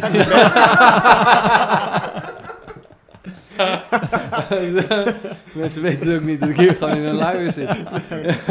Zo Ik trek er nog wel een broek over aan, maar ik heb wel gewoon een luier aan. af en toe even verschonen. En dan, eh, Acht uur mediteren gewoon. Kak loopt langs je benen eruit. Zit je helemaal gewoon lekker... Oh, lekker ja. in bliss gewoon. Nou, maar dat was mijn beeld. Ik weet niet of jullie dat ook hadden maar, of hebben, maar dat bij mij ineens switchte het. En ik dacht gewoon, oh mijn god, ik heb het verkeerd begrepen. Hij zei, je leven moet geen zoektocht naar geluk worden, maar je leven moet een expressie van jouw geluk zijn. Mhm. Nou, dat was echt, toen brak echt mijn klomp. Ik dacht van ja, dus je moet jezelf eerst knettergelukkig maken, gewoon door de chemische machine die je lichaam is beter te leren kennen. En zeg maar, als je ecstasy op hebt, het enige wat er gewoon aan de hand is, dat je chemie een beetje veranderd is. Ook niet eens zo heel veel eigenlijk. Je, en je hele perceptie van het leven wordt gewoon compleet anders. Ja. En nou ja, dat, dat, als je daar dus verantwoordelijkheid en bewustzijn op kunt krijgen, dat je gewoon zelf die knoppen in de hand hebt. Dat je jezelf dus eerst gewoon helemaal blissvol maakt en daarna denkt, nou, waar gaat, waar gaat deze dag vandaag over? Ja, ik vond dat echt een fenomenaal inzicht. Maar dat, dat, dat blissvol zijn, dat, dat, is, dat is geen aan- en uitknop, denk ik, toch? Het, is, het is een proces. Dat doe je met practice. Dat, dat kost je een aantal uren. Allebei, nou, Of hou je Eh, nu dingen door elkaar? Nee, ja, ik denk precies wat jij zegt. Allebei. Dus ja, het is niet zo dat iemand je nu een truc kan leren en zegt druk even op die knop. Nou ja, zijn wel een paar knoppen. Ergens achter in de luier. ja, er één knop tussen je benen. Die kun je wel indrukken. Dan voel je je wel lekker. Nou ja, dat, dat hoort ook bij die sexual practices. Dat eigenlijk de, een van de simpelste knoppen die je kan indrukken van... Als je jezelf bemint, dus gewoon eigenlijk masturbeert, dan ja, simpele handelingen, je voelt je top, toch? En Ja. ehm, nou, dat is iets, de machine die je lichaam is, kun je dus op een bepaalde manier gebruiken. En Moet je dan... hem niet te lang indrukken. Nee. dan eh, verschiet je al het kruid. Ja. Nee, precies. Dan horen we wel weer. Ja, je moet dus die machine iets beter leren kennen. En dan snap je van, oh ja, als ik die knop te vaak indruk, dan brandt het lampje door. En, Ah, dan ben je helemaal kapot. ja, dan komt er rook uit de machine. Maar ehm, die practice zorgt natuurlijk voor dat je die machine eh, in eerste instantie wat beter oliet en alles wat uit het stof haalt enzovoort. Maar dan ehm, uiteindelijk wordt het wel best een knopje. Ik kan in ieder geval meer. Ik ben echt niet eh, dat ik mezelf nu helemaal blissvol kan maken in twee seconden. Maar ik kan wel veel beter voelen dat wanneer er bepaalde dingen uit balans zijn. En het heeft heel erg met de geometrie van je lichaam te maken. Daar is yoga ook op gebaseerd. Al die houdingen hebben een soort geometrische basis die een effect hebben. Maar ehm, ook je emotionele lichaam en ook je mind en ook je energetische lichaam hebben ook op een of andere manier een soort geometrie. En het bizarre is gewoon, als voorbeeld bijvoorbeeld, van, nou, als je bijvoorbeeld je basisemotie kan bijvoorbeeld zwaar zijn vandaag. Dat is op een of andere manier, heb je daar een impact op. Je kunt, als je heel bewust wordt, kun je die emotie gewoon in één klap wijzigen. En zo heb je op al die lichamen en al die niveaus, kun je dat leren. En dan wordt het toch, toch wel een beetje een knop, als je er maar bewust van wordt. Dat je gewoon denkt, oh ja, ik zit nu helemaal zorgen te maken, maar hoe, zat, hoe voel ik me ook weer? Zo, oké, dat, dat, dat. In één keer denk je gewoon, wow, oh, lekker, oh, hemels. En dat 20 seconden volhouden, ineens gaat je hele gedachtegang veranderd. Oh wauw, ik, wou dat dat mij eh, vanmorgen gelukt was. Ja, wat dan? Had je... Nee, ik, ik, ik was heel eh, boos en gefrustreerd op mijn vriendin. Oh, oké. Eh, maar niet naar haar toe, maar ik, ik zat met iets en ik liep er maar over te malen en te malen tijdens het werk. En toen, toen kwam nog even bij mij langs van, dit speelt zich allemaal af in mijn hoofd. Ja, ja, ja. Eh, dit is een perceptie. Eh, ik kan dit proberen te transformeren. En dat ging ik even proberen, maar het lukte me niet helemaal. Het werd iets minder, ja. maar ik, ik kreeg het niet helemaal los. Nou, dat vind ik zo fascinerend aan de yoga. Dat wist ik helemaal niet. En dat wordt ook helemaal niet in de yoga in het Westen uitgelegd. Maar dat dat letterlijk, je zegt dat het, het ging maar rond. Ik zat te malen en dat is letterlijk een patroon. Ja, Dus het is een cyclus. ja. En dat noemen ze karma. Dus het is een wieltje waar je niet uit kan ontsnappen. Op een of andere manier is daar een soort wiel en dat gaat maar rond en het gaat maar rond en het gaat maar rond. dat noemen ze karma. Ja, Oké, dus cool. alle onbewuste patronen die je hebt, het hele, ehm, alles wat zeg maar jouw software is, wat jou draaiend houdt, noemen zij karma. En een van de kenmerken is dat het cyclisch is. Dat is eigenlijk het allerbelangrijkste. Ehm, en je hebt hele grote ehm, cycles, je hebt ook hele kleintjes. En zo'n kleintje kan bijvoorbeeld zijn van ja, je krijgt gewoon een gedachte niet uit je kop. En iemand triggert je en je, ineens ga je gewoon, ja, nee, ik vind het echt niet kunnen. Nee, ja. Maar ik wil het uit mijn hoofd krijgen. Ja, maar ik vind het gewoon niet kunnen. Weet je wel? En dan kun je niet ontsnappen. Nou, dat is zo'n klein wieltje. Nou, wat zij zeggen is, die karma is geniaal. Want het is gewoon een zak informatie die zorgt dat the world turns. Ehm, want de aarde, eh, de maan draait ook om de aarde en wij draaien om de zon. En alles gaat in cyclussen. En zij zeggen van, nou, dat is in feite karma. Ehm, maar als mens heb je één geniaal ding. Je kunt je daar bewust van worden en je kunt dat overstijgen. Ehm, We kunnen afslag nemen en dan wordt het een andere cyclus. Precies, ja. Je kunt of de cyclus veranderen, dan ga je je karma veranderen. Maar het uiteindelijke doel is gewoon dat je zo bewust wordt dat die hele onbewuste software niet meer draait. Of dat die niet meer nodig is. Is dit ook wat jij in Amerika gedaan hebt? Ja, Daar waar je dus eigenlijk weg wilde rennen eh, je wilt eigenlijk weg en tegelijkertijd door middel van je practice, Ja, precies. dat is dit. Ja, exact. Dat, dus inderdaad, van oké, mijn een van mijn karmische patronen was bijvoorbeeld dat ik emotionele veiligheid haalde bij mijn partner. Dat ik op een of andere manier kwam ik daar langzaam achter dat het een cyclus was. Op een of andere manier, op bepaalde momenten moest zij mij bevestigen. Ja. En met een soort moederlijke liefde. En als ze me dat niet gaf, werd ik woedend. En ja, zij was te ziek, lag ze gewoon op die bank. En eens was ik woedend op haar en ze was een geniale spiegel. Want ik denk, ja, ze doet helemaal niks. Waarom ben ik woedend? Ja. Ja. Weet je wel? En dat had jij vermoedelijk ook met je vriendin vanochtend. Maar ja, je weet iets in jou weet het, het ligt niet helemaal aan de situatie. Het ligt niet aan haar. Ik, kan, ik zou je gewoon voorbij moeten kunnen lopen. Wat, maar het kan niet. Ik zit eraan vastgeplakt. Ja. Hm. En dat plakken, dat is het opbouwen van nieuw karma. Dus eh, elke nieuwe situatie is weer nieuwe informatie voor die software.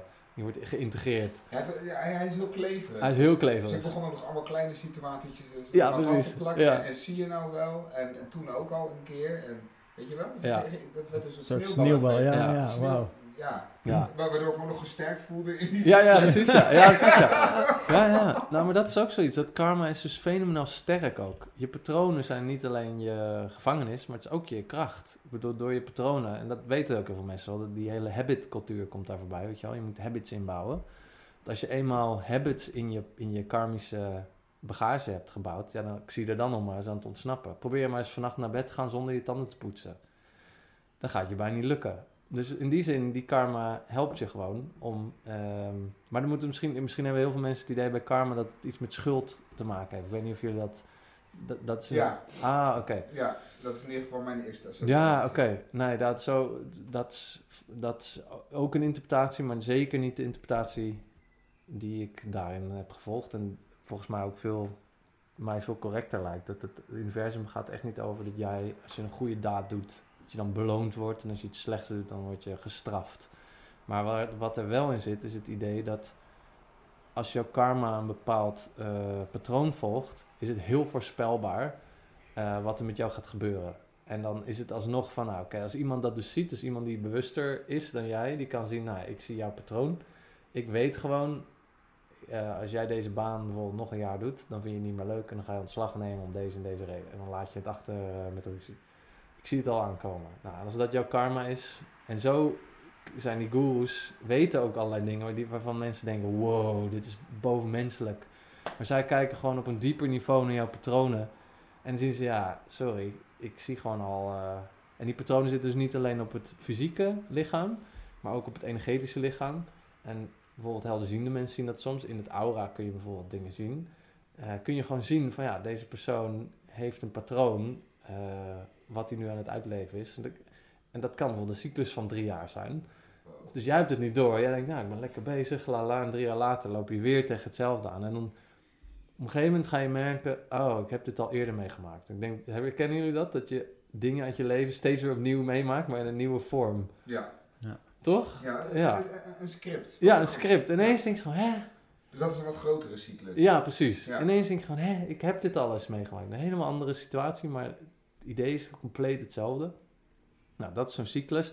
En dat is ook wanneer zij zeggen, de Yoga Sutra's, zeg maar het heilige, het basisgeschrift van die yoga, begint met de zin, en nou yoga. Dat ik ook geniaal vind. Gewoon, oké, en nou yoga. Daarvan uitgaan dat je pas aan yoga gaat beginnen als je op een gegeven moment ziet, ik zit vast in die loop. En ineens denk je van, hè? En als je daar klaar mee bent, dan is er, is er een manier om daar, eh, om, die, om daar uit te stappen. En dat noemen zij yoga. En dat betekent niet per se dat het dat systeem moet zijn, dat je per se hun yoga moet doen. Maar yoga betekent in hun taal eenheid. En totale eenheid is eigenlijk als je al je limitaties doorbreekt, dus al je patronen breek je, dan ben je vrij van alles en ben je één met alles. Ja, anyway, Wauw, lang verhaal. Maar Ja, ja. Ja, het is heel verhelderend. Ja. Dan kan je een beschrijving geven van wat, wat die practice voor jou is? Of wat voor onderdelen daarin eh, zitten? Is dat alleen Ja. fysieke yoga zoals wij dat kennen? Of is het ook een stukje chanting, mantra's, Eh, ja, alles. Ja. alles? Ja. Dus, Oh, ja. Alles wat je kan bedenken. Gewoon aerobic, yoga. Is het? Alles gewoon. Oh man, ja joh.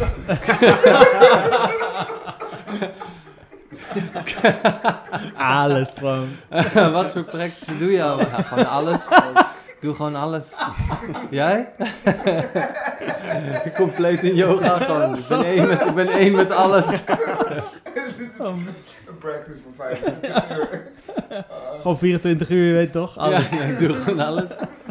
Ja joh. Eh, nee, ja, goeie vraag. Ehm, nou ja, het is dus wat ik heel fascinerend aan vind. Wat, wat ik bij Isha leerde was dat zij het mechanisme van een mens zijn. zijn ze bekijken het best wel mechanisch. Ze Mm. proberen heel eh, weinig eh, belief systems. Dus ze zeggen van ja, je hoeft het niet te geloven, maar we, we kijken gewoon. Je zou de mens gewoon kunnen zien als een machine. En nou, het lichaam is één deel van die machine. Maar je mind is ook een machine. Nou, dan weten we al, het lichaam weten we heel veel van, maar als het op de mind aankomt, weten we al ineens heel weinig. Nou, dan heb je ook nog een emotioneel lichaam en een energetisch lichaam. Nou, die anatomie zit dus helemaal verpakt in al die practices. Wauw. Ja. En ehm, dus soms, bijvoorbeeld, jij zei net, ja, ik leerde die mantra Aum. Ja. Nou, dat is zoiets, ja, wat, wat doet dat dan? Weet je wel, waarom zou je Aum doen? Ja, dat is een van de weinige dingen die, die ik geleerd had in die ashram. Maar ook wel een van de... Het is het enige ding wat ik dan ook nog bijna dagelijks doe. Oh, nice. En het hoeft maar, je hoeft- ik hoef het maar één minuut te doen. Soms doe ik het 30 seconden, soms doe ik het twee minuten. Maar ik voel gewoon een, een shift in hoe ik me voel. Hmm. Altijd in het positieve. Ik doe het vaak met mijn dochtertje ook op mijn schoot, of met z'n drieën of met z'n vieren. Je voelt gewoon een energy en ik word er gewoon blij van. Het is gewoon een, dat is een van die knoppen die ik dan heb om mezelf dus in, in een soort van iets blissvollere staat te krijgen. Is gewoon die simpele mantra. Mooi. Super simpel, Ja. maar super effectief. En hij legt er dan ook uit van dat, dat, dat, dat je zelfs je lichaam hiermee kan helen. Als je ziek bent en je doet dit bijvoorbeeld, een cyclus van whatever, s- 60 dagen, 30 dagen, twee mooncycli of, of zoiets. Dan kan je gewoon je lichaam helen bijvoorbeeld. Gewoon Mhm. puur door Aum, dat soort dingen. Ja. Zover ga ik nog niet, maar wel interessant dat, dat zoiets simpels zo effectief kan zijn. Ja. En op welke levels dat dan werkt, ik heb geen idee. Maar ik weet wel dat, al, al doe ik het een minuut, dat het wel Hmm. Fijn is. En dat het gewoon voor mij werkt. Wauw. het is ja. gek. Nou, en dat is ook eigenlijk het enige wat je... Uiteindelijk moet het wel werken. Ja, En ehm, dat vind ik ook vet om nieuwe practices te proberen. En dat je dan Mm. op een gegeven moment gaat merken van... Oh, verrek. ja. En met die aum had ik ook in het begin dat, dat Sadhguru dan uitlegde van... Nou, weet je wel, sound is a vibra- vibration. Everything in the universe is a vibration. ja. En dat geluid eigenlijk aan de basis van de creatie van het universum ligt. Dus je maakt een vibratie en daarmee manifesteer je iets. En dat de kracht van geluid is iets wat in yoga echt ja, niet wordt, die wordt, kun je echt niet overschatten. Het is echt, ze, kunnen, ze doen heel veel met geluid. Alleen, ehm, ja, er zit een hele science achter van welke geluiden en welke sequentie van geluiden creëren precies een vibratie en wat heeft die vibratie voor werking.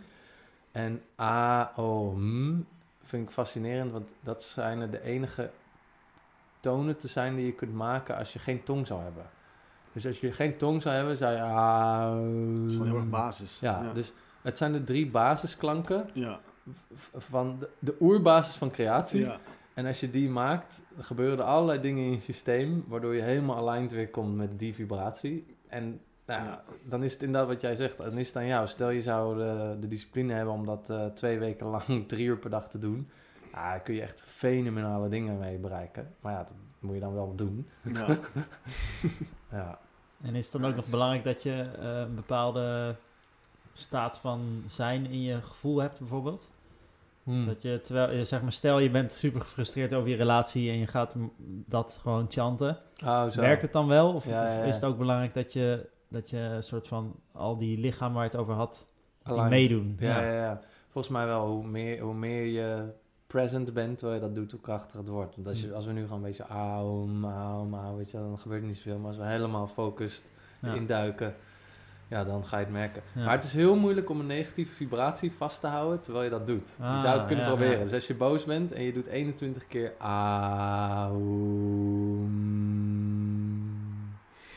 Aum.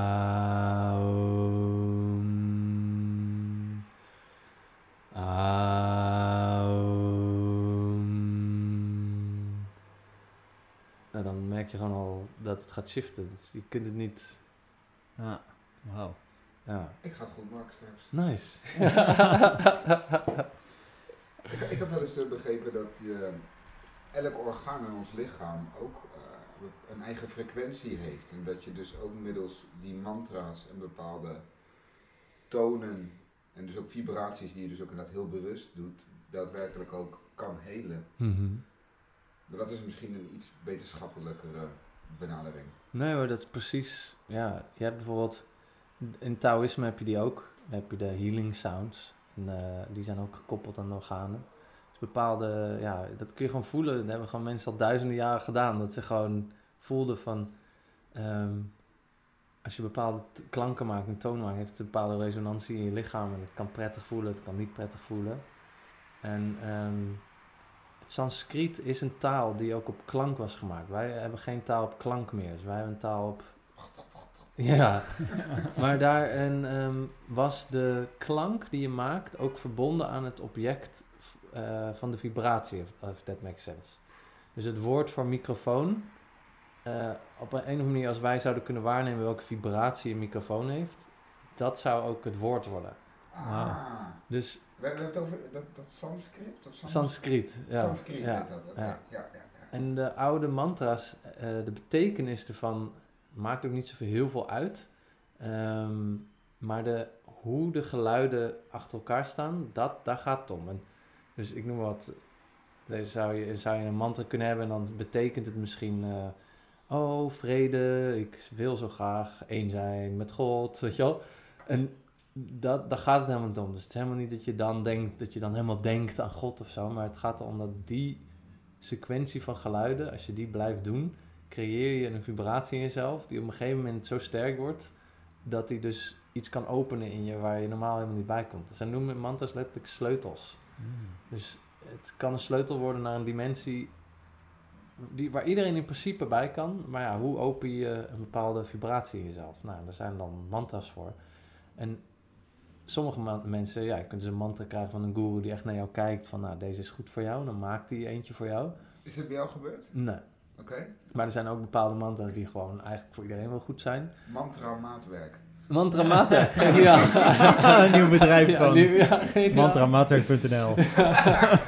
Koop nu een mantra. Ik koop nu een mantra, ja. geniaal, ja. Maar dus het- vooral de, de volgorde van de vibraties is belangrijk. Ja. Niet zozeer wat het woord betekent. Nee, en daar uh, hameren ze een beetje ook op. En, en het is ook nog zo dat de mantra's dus niet zijn krachtig en dus ook weer niet alleen maar onschuldig. Dus je hebt ook een heleboel mensen die pikken gewoon een mantra van YouTube en die gaan ze dan gewoon lekker neurien of in hun huis. Maar je- het, het doet echt iets. En sommige mantra's zijn bijvoorbeeld niet voor mensen in een gezin. Eh, want het opent een dimensie in jou die totaal voorbij gaat aan ehm, sociale wenselijkheid. Je kunt dingen in jezelf openen. En dan moet je bijvoorbeeld denken aan drugs. Als je bijvoorbeeld drugs gebruikt en een bepaalde ervaring hebt, dan ben je echt niet bezig met wat mensen van je denken. Nee. Nou, zo kun je ook spirituele ervaringen in jezelf unlocken. Maar die gaan langzaam groeien. En op een gegeven moment denk je, ja, ja, ik, eh, ik kan mijn kind niet meer uitstaan. Ja, dat kan, kan komen omdat je misschien iets aan het doen bent waar je helemaal geen idee van hebt wat je aan het doen bent. En er zijn dus ook wel verhalen van. Er zijn best wel populaire mantra's die in die categorie vallen. Wow. En ehm, ja, dat mensen niet helemaal door. Maar het enige goede is dat mensen helemaal niet de discipline hebben om die mantra dagelijks te zeggen. Dus dan gaan ze misschien één avond mantra zingen. Ja, dat maakt dan ook weer niet zoveel uit. Ja,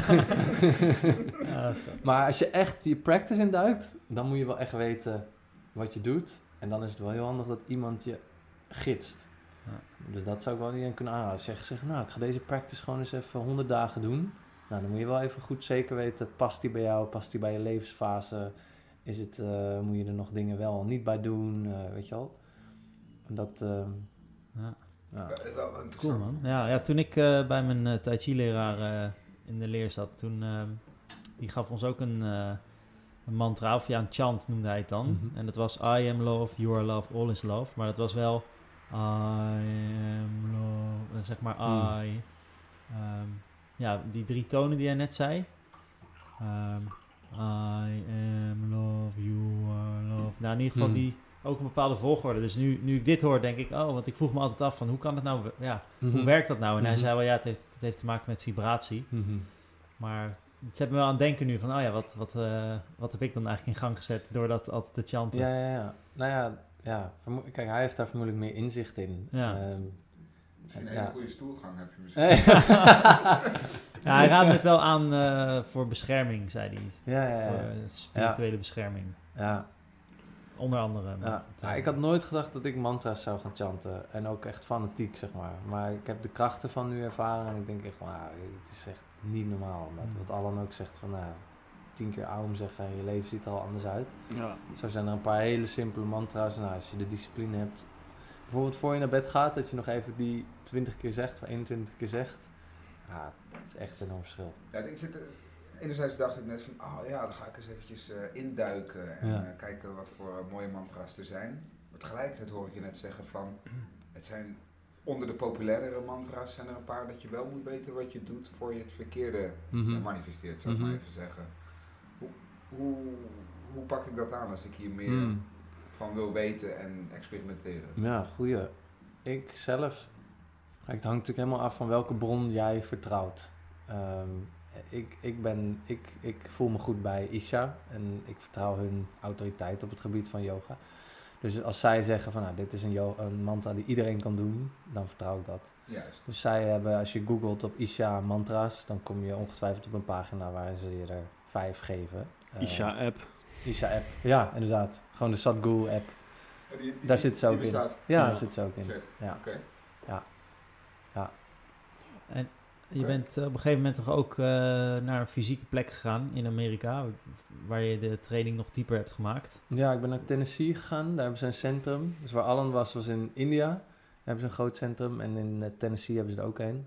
En daar ben ik 21 dagen geweest met alleen maar mannen. 35 mannen. Ehm, ja. En waarom dan alleen maar mannen? Ehm, weet niet eigenlijk of dat echt iets met de practice te maken had. Of omdat het gewoon om corona-redenen ging. We sliepen in de, ehm, in de tempel of in de hal waar we waren. Dus ik denk dat ze gewoon maar één ruimte hadden voor mensen om te slapen. Dus ik, Oh, zo. zou ook wel praktisch gewoon. Oh ja, ja. Maar ja, dat was fantastisch. 21 dagen, 10 uur per dag in die, eh, in die hal. Lekker eten. Goed eten, Oeh. heel goed eten. En het was een consecrated space, toch? Ja, ja. Kan je vertellen wat dat is? Ja, het is dus hetzelfde als dat zaadje van die eh, inwijding, die Shambhavi Mahamudra inwijding. Zelfde logica, dat er dus een science is waarmee je energetisch dingen kunt creëren. In een dimensie eh, die ik niet goed snap, maar die niet per se fysiek is. Maar wel zich verhoudt tot het fysieke. Ehm, dus op een of andere manier wordt er een energetisch iets gecreëerd in die ruimte, wat een bepaald effect heeft. Wat heel erg beneficial is voor de practices die je daar doet. En als je, hoe meer je daarvoor openstelt, hoe, hoe meer het ook binnenkomt. Dus het is niet zo dat je binnenkomt en denkt van wow. Maar als je daar, ik merkte op een gegeven moment wel als ik daar mezelf openstelde, dat ik daar ehm, veel intensere ervaringen in mijn meditaties beleefde dan thuis. En Dat het echt, eh, ja, het, het duwt. Ja, ik, wat ik soms wel, soms als je bijvoorbeeld een hele intense avond hebt, of bijvoorbeeld zo'n mannencirkel, dan hangt er toch een bepaalde energie in de lucht. Ineens is het gewoon knetter intens in de lucht. Ja. En dat, dat gevoel, maar dan altijd. Dus alsof iemand daar de science van begrijpt en dat daar heeft neergelegd van nou, iedereen die hier inloopt, loopt meteen zo'n space in waarin gewoon het intens is. Gewoon zo'n veld. Ja, Dat is toch gewoon gebeurd, gewoon. wat? Dat iemand daarover nagedacht heeft en Ja, ja, ja. ja. getracht heeft om dat te creëren. Ja, precies. Ja, ja oh, zo. Misschien is Ja, het zo toch? ontdekt. Ja, precies. Maar hoe, kan je beschrijven hoe, hoe is het daar opgezet? Is het, is, het, is, het, want is het echt een ashram en heb je verschillende plekken waar je dan dingen kan leren? Of Mm. want in, in India was het echt een soort van... Het was ook een hele drukke periode toen. Het was een beetje een soort van spirituele Disneyland. Bijna. Nee, dat niet. Maar ja, heel groot opgezet met allemaal verschillende... Ja, je had een bad waar je jezelf kon reinigen. En dan had je een paar van die... Ja, één grote doom met een eh, grote... Hoe noem je dat? Linga. Standbeeld? Lingam. Linga. Ja. Diana Linga. Diana Linga had je daar. Ja. En zo had je ja, verschillende ruimtes die dan weer op verschillende frequenties hun doel hadden. Is het dan daar ook zo? Of is het... Ja, je hebt daar ook een paar eh, consecrated spaces. Niet Ja. zoveel als in India. En de Dhyana Linga is het levenswerk van Sadhguru. Dat, dat was echt zijn enige missie eigenlijk. Om, Mhm.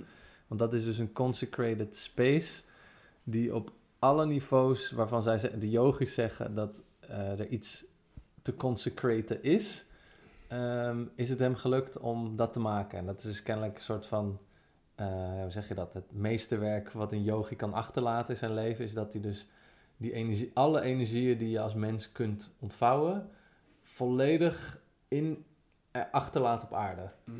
En nou, het- ik, ken, ik weet niet precies het verhaal, maar het verhaal is dat dat al 3000 jaar lang niet gelukt is. En zijn allerlei yogis die dit hebben geprobeerd. En, ehm, maar het is een enorm proces. Je, moet, eh, je hebt er een heleboel mensen voor nodig. Je moet ook de, eh, hoe heet het, de, de infrastructuur hebben. Je moet een hele tempel bouwen. Anyway, het is een heel ding. Maar het is, dat is dus gelukt. En eh, ja, da- dat, daar gaan een heleboel mensen naartoe, naar die tempel, om Ja. daar te zijn. Ehm, Wauw, dat is echt een fucking legend. Want hij heeft daar hij, eh, heel veel energie aan gegeven, toch? Hij is ook grijs geworden in dat proces en heeft heel veel haaruitval gekregen Ja, en zo. En ja. Zijn vrouw is ook verloren volgens mij in Ja. het proces. ja, het is echt... Hij zou het eigenlijk samen dan doen met haar, maar Ja. zij is toen overleden en, Ja, zij is overleden in een meditatie. of vermoord. Nou, ze is, ze is in, in de meditatie eh, omgevallen. En waarschijnlijk, eh, als de energie te intens wordt, dat, dat ehm, kan je ziel niet meer in je lichaam zitten. Je lichaam heeft een bepaalde vibratie. Als je je energetische lichaam te intens maakt, vloept het eruit.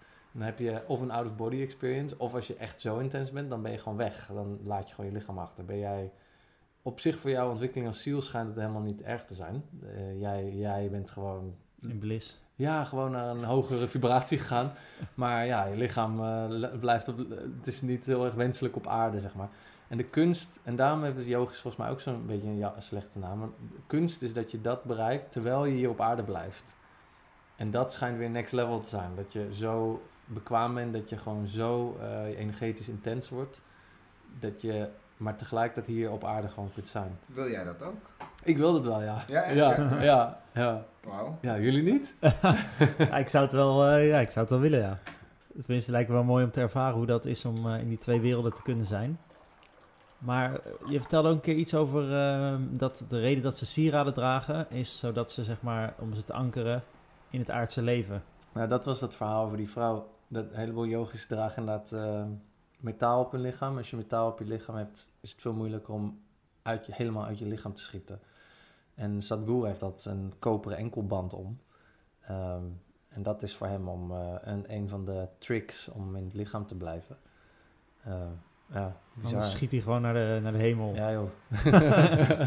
Zie je in één keer weg Ja. gewoon. Ligt er gewoon een vleespop. ja, maar hij is dus zijn vrouw verloren daarin. Ehm, en inderdaad wat Alan zei, je hebt video's ervan. Als je het interessant vindt kun je eens googlen. Dan moet je Consecration of Dhyana Linga. Ehm, D-Y-A-N-A, Linga. En dan ehm, ja, zie je gewoon, dat gaat over een ander niveau van intensiteit wat wij helemaal niet begrijpen. Eh, die yogis zijn met iets bezig met zo'n devotie en zo'n toewijding te- met iets wat wij niet eens kunnen zien. En sommige al- mensen niet eens kunnen waarnemen. Die gaan nu dus in die tempel zitten en denken, nou, ik voel, nou, ik voel niks, leuk, gaan we weer naar huis. En die yogis zijn dus bereid hun leven daarvoor te geven. Hmm. Ook En, alchemisch, toch? Want het ding, hele ding is gemaakt uit kwik of zo. Ja, mer- mer- Of Mercury. is dat eigenlijk- inderdaad? Dat weet ik eigenlijk niet. Ja. Mercury Oh. is quick. Dat kan je niet zomaar smelten. Dat kan eigenlijk die kan je niet smelten of zoiets. En hij deed het met zijn blote handen, weet ik, zoiets. Zijn, ja, er zijn allemaal dingen daar gebeurd die Ja. mensen dan als wonderen beschouwen. Ja. Maar waarvan hij, hij is helemaal niet van de wonderen. En hij, hij wil dat altijd, hij wil er eigenlijk niet zo naartoe. Omdat hij zegt van ja, mensen zoeken wonderen, terwijl dit is het wonder. We zitten er middenin. Hij zegt alleen van ja, als je perceptie gaat vergroten, kom je erachter dat een mens veel meer ehm, kan dan we denken. En, ehm, en dingen die je niet begrijpt, vind je al heel snel een wonder. Eh, maar een van de dingen die zij doen is dus met geluid. Dus dan eh, met geluid en chanten kunnen ze, kunnen ze echt ja, kunnen ze stenen breken of hele bizarre dingen doen. En, ehm, maar ze hebben inderdaad volgens mij vloeibare kwik in die Janalinga zitten. En Ja. dat, dat wetenschap schijnt volgens mij niet helemaal te begrijpen hoe dat kan. Nee. Ja. Ik heb wel eens gehoord dat de Egyptenaren ook geluid gebruikten om hele grote stenen op te tillen. Eh, Heb je daar, is dat, zou dat dan eh, ook zo gegaan kunnen zijn? Of is het, ja, dat is natuurlijk gewoon eh, een beetje speculeren, maar omdat je dat zegt, omdat ze geluid gebruikten om allerlei... Nou ja, ik zie in ieder geval dat overal eh, dat weer terugkomt. Dus als je Hmm. bij dat andere spirituele systemen en een beetje over de geschiedenis gaat lezen... en wat er allemaal voor verhalen zijn van gechannelde mensen en vorige levens enzovoort... dan komt dat wel heel vaak terug. Ja. En het lijkt mij heel logisch eh, dat, dat daar een soort sleutel zit. Ehm, dat je iets met vibraties kunt, wat wij nog niet helemaal goed snappen. Hmm, Uh, ja. En dat de mens is natuurlijk... Kijk, we zijn, we zijn het universum. Het universum heeft ons gemaakt. Dus het is ook weer niet zo gek dat wij terug kunnen gaan in die bron... en dat we dan onszelf kunnen begrijpen... en dan de wereld om onszelf om ons heen kunnen gaan manipuleren. Maar we hebben het heel erg nu buiten ons gezocht. Alle technologie is nu buiten. Van oké, ik heb een iPhone. Dat, dat is echt een slim ding. Terwijl we zijn zelf zo advanced. En dan is dat aum zeggen, maar zo'n simpel dingetje. Het is echt alsof je de iPhone hebt en dat, dat er dan zegt in de handleiding, ja, druk op de grote knop. Snap je wat ik bedoel? En dan zitten wij de hele tijd daarop te drukken. Dat is echt het niveau van waarop wij dan bezig zijn. Dan vinden we dat al heftig. Wow, ja, ik heb één keer aum gedaan, ik voel me echt een stuk beter. Maar die iPhone, jongen, als je die helemaal zou snappen, de iPhone die je dus zelf bent, dan, eh, ja, wie weet ik veel wat je dan mee kan. Ik ben echt van mijn, denk echt dat je veel meer mee kan dan wij nu doen. Heb je nou eh, je Taoïstische practice eventjes opzij gezet? Of, of, of, of doe je dat er ook nog bij? Ja, van, vanwege, puur vanwege tijd alleen al niet. Maar ik heb de seksuele practices doe ik wel nog. Als een soort basis. ehm, ja, een soort vitaliteits eh, boost of zo geeft dat dan alles. En ik voel gewoon dat het niet bijt met de andere dingen die ik doe. Maar er zijn wel andere Taoïstische practices die net even een andere nuance hebben. En dan train je net iets anders in je systeem. En dan weet ik niet goed genoeg of dat wel of niet clasht. Dus dan heb ik uit voorzorg maar gedaan, oké, ik kies nu hiervoor. Ehm, het schijnt wel te kunnen, maar ik wil iets beter weten wat ik doe. Om niet gewoon, want kijk, het is zo'n investering. Ik doe bijvoorbeeld vijf uur per dag ga ik daarin investeren. Ja, dan wil ik wel weten eh, dat er iets terugkomt uit die investering. Snap je wat ik bedoel? Dan, ja. Bij welke uren in de dag doe je dit? Eh, meestal alles in de ochtend. En als ik het niet af kan maken, dan nog in de middag. Daar sta je heel vroeg op. Mm, In Amerika deed dat wel, hier wat minder, maar rond een uurtje of vijf, half zes meestal. En dan, eh, Maar toen we jou eh, laatste keer hier spraken, toen eh, gaf je aan dat je ook nooit een wekker zette. Is dat nog steeds zo? ja, dat was wel nog steeds zo. Alleen, ik werd veel vroeger wakker. Oké, Ja. Ja, ja, ja. Maar ehm, ja, ik vind het fascinerend dat je dus practices hebt die een heel ander effect hebben. Bij Taoïsme heb je bijvoorbeeld practices waarbij je bepaalde energie traint die heel fysiek is. In de Tai Chi bijvoorbeeld. Mhm. echte martial, ja, ik weet dat jij hem traint, Vincent. Maar ehm, daarbij, ja, eh, dat, dat is een hele andere energie die ik nu merk dat ik de- in de yoga practices train. En ehm, ik weet niet hoe die zich verhoudt. Dus ik, ik, ja, hela- ik zou het wel willen. Ik zou eigenlijk niets liever willen dan gewoon tien uur per dag. Alles. Alle Ja, het lijkt me zalig. ja. maar ja, de effecten verwerken is ook weer een heel ding. Eh, ik weet niet of jullie dat ook zo doen, maar ik heb dan soms het idee van dat practices alles kunnen oplossen in mijn leven. Ik denk, oh, ik ga gewoon practicen en dan komt alles goed. Alleen dan is het meestal gewoon zo dat ik meer de intensiteit van mijn leven is gewoon hoger geworden. En dan gaat het zich wel nog allemaal ontvouwen in mijn gewone dagelijkse leven. Dus dan ineens, weet ik veel, ik dacht dat ik gewoon even een vergadering had voor mijn werk. Weet je gewoon even. En ineens wordt dat een knetterintense transformerende ervaring. en denken, oh ja, en dat betekent de practice ook voor mij. Van, oh ja, ik, ik zorg er gewoon altijd voor dat, eh, dat alles intens blijft. Ja. En, ehm, maar het is niet zo dat, ik door die dat de practice het leven is. Snap je wat ik bedoel? Ja. Ja. Dus je, je, je leven wordt veel intenser ervan. Gewoon je Ja. intensiteit gaat omhoog. Ja, maar ik heb zelf wel de ervaring dat je het ook te intens kan maken. Dat Is dat- het dan niet meer aan kan om het gewoon eh, te integreren. Is dat ook wat je net be- bedoelde even met van dat je uiteindelijk ook weer met heel veel zoeken, eh, soms ook af en toe tot de conclusie komt dat heel veel en alles terug te vinden is in, in één fout en heel simpel is. Dat vertelde je buiten even. Oh ja. Ja, wel een beetje, ja. Ik, vind dat wel eh, bizar. Dat, dat zeggen toch ook een heleboel leraren. Want dit is een proces van ontleren. Allemaal dingen die je hebt aangeleerd, die je denkt dat je bent, moet allemaal weer weg. En dan kom je, dat is dan yoga. Dat zijn al die, al die patronen, die belemmeringen die je om jezelf hebt heen gebouwd, moeten weer weg. Alle identiteit, dus je van, oh ja, ik ben een Nederlander. Weet je wel, oké, nou dat is dan een idee. En dat moet dan weg. En eh, ja, zo ga je het maar door en door. En dan, wat blijft dan over? Ja, echt, wat jij eh, zei, Ruud vertelde me dat hij gewoon heerlijk 's ochtends op zijn blote voeten een boswandeling maakt.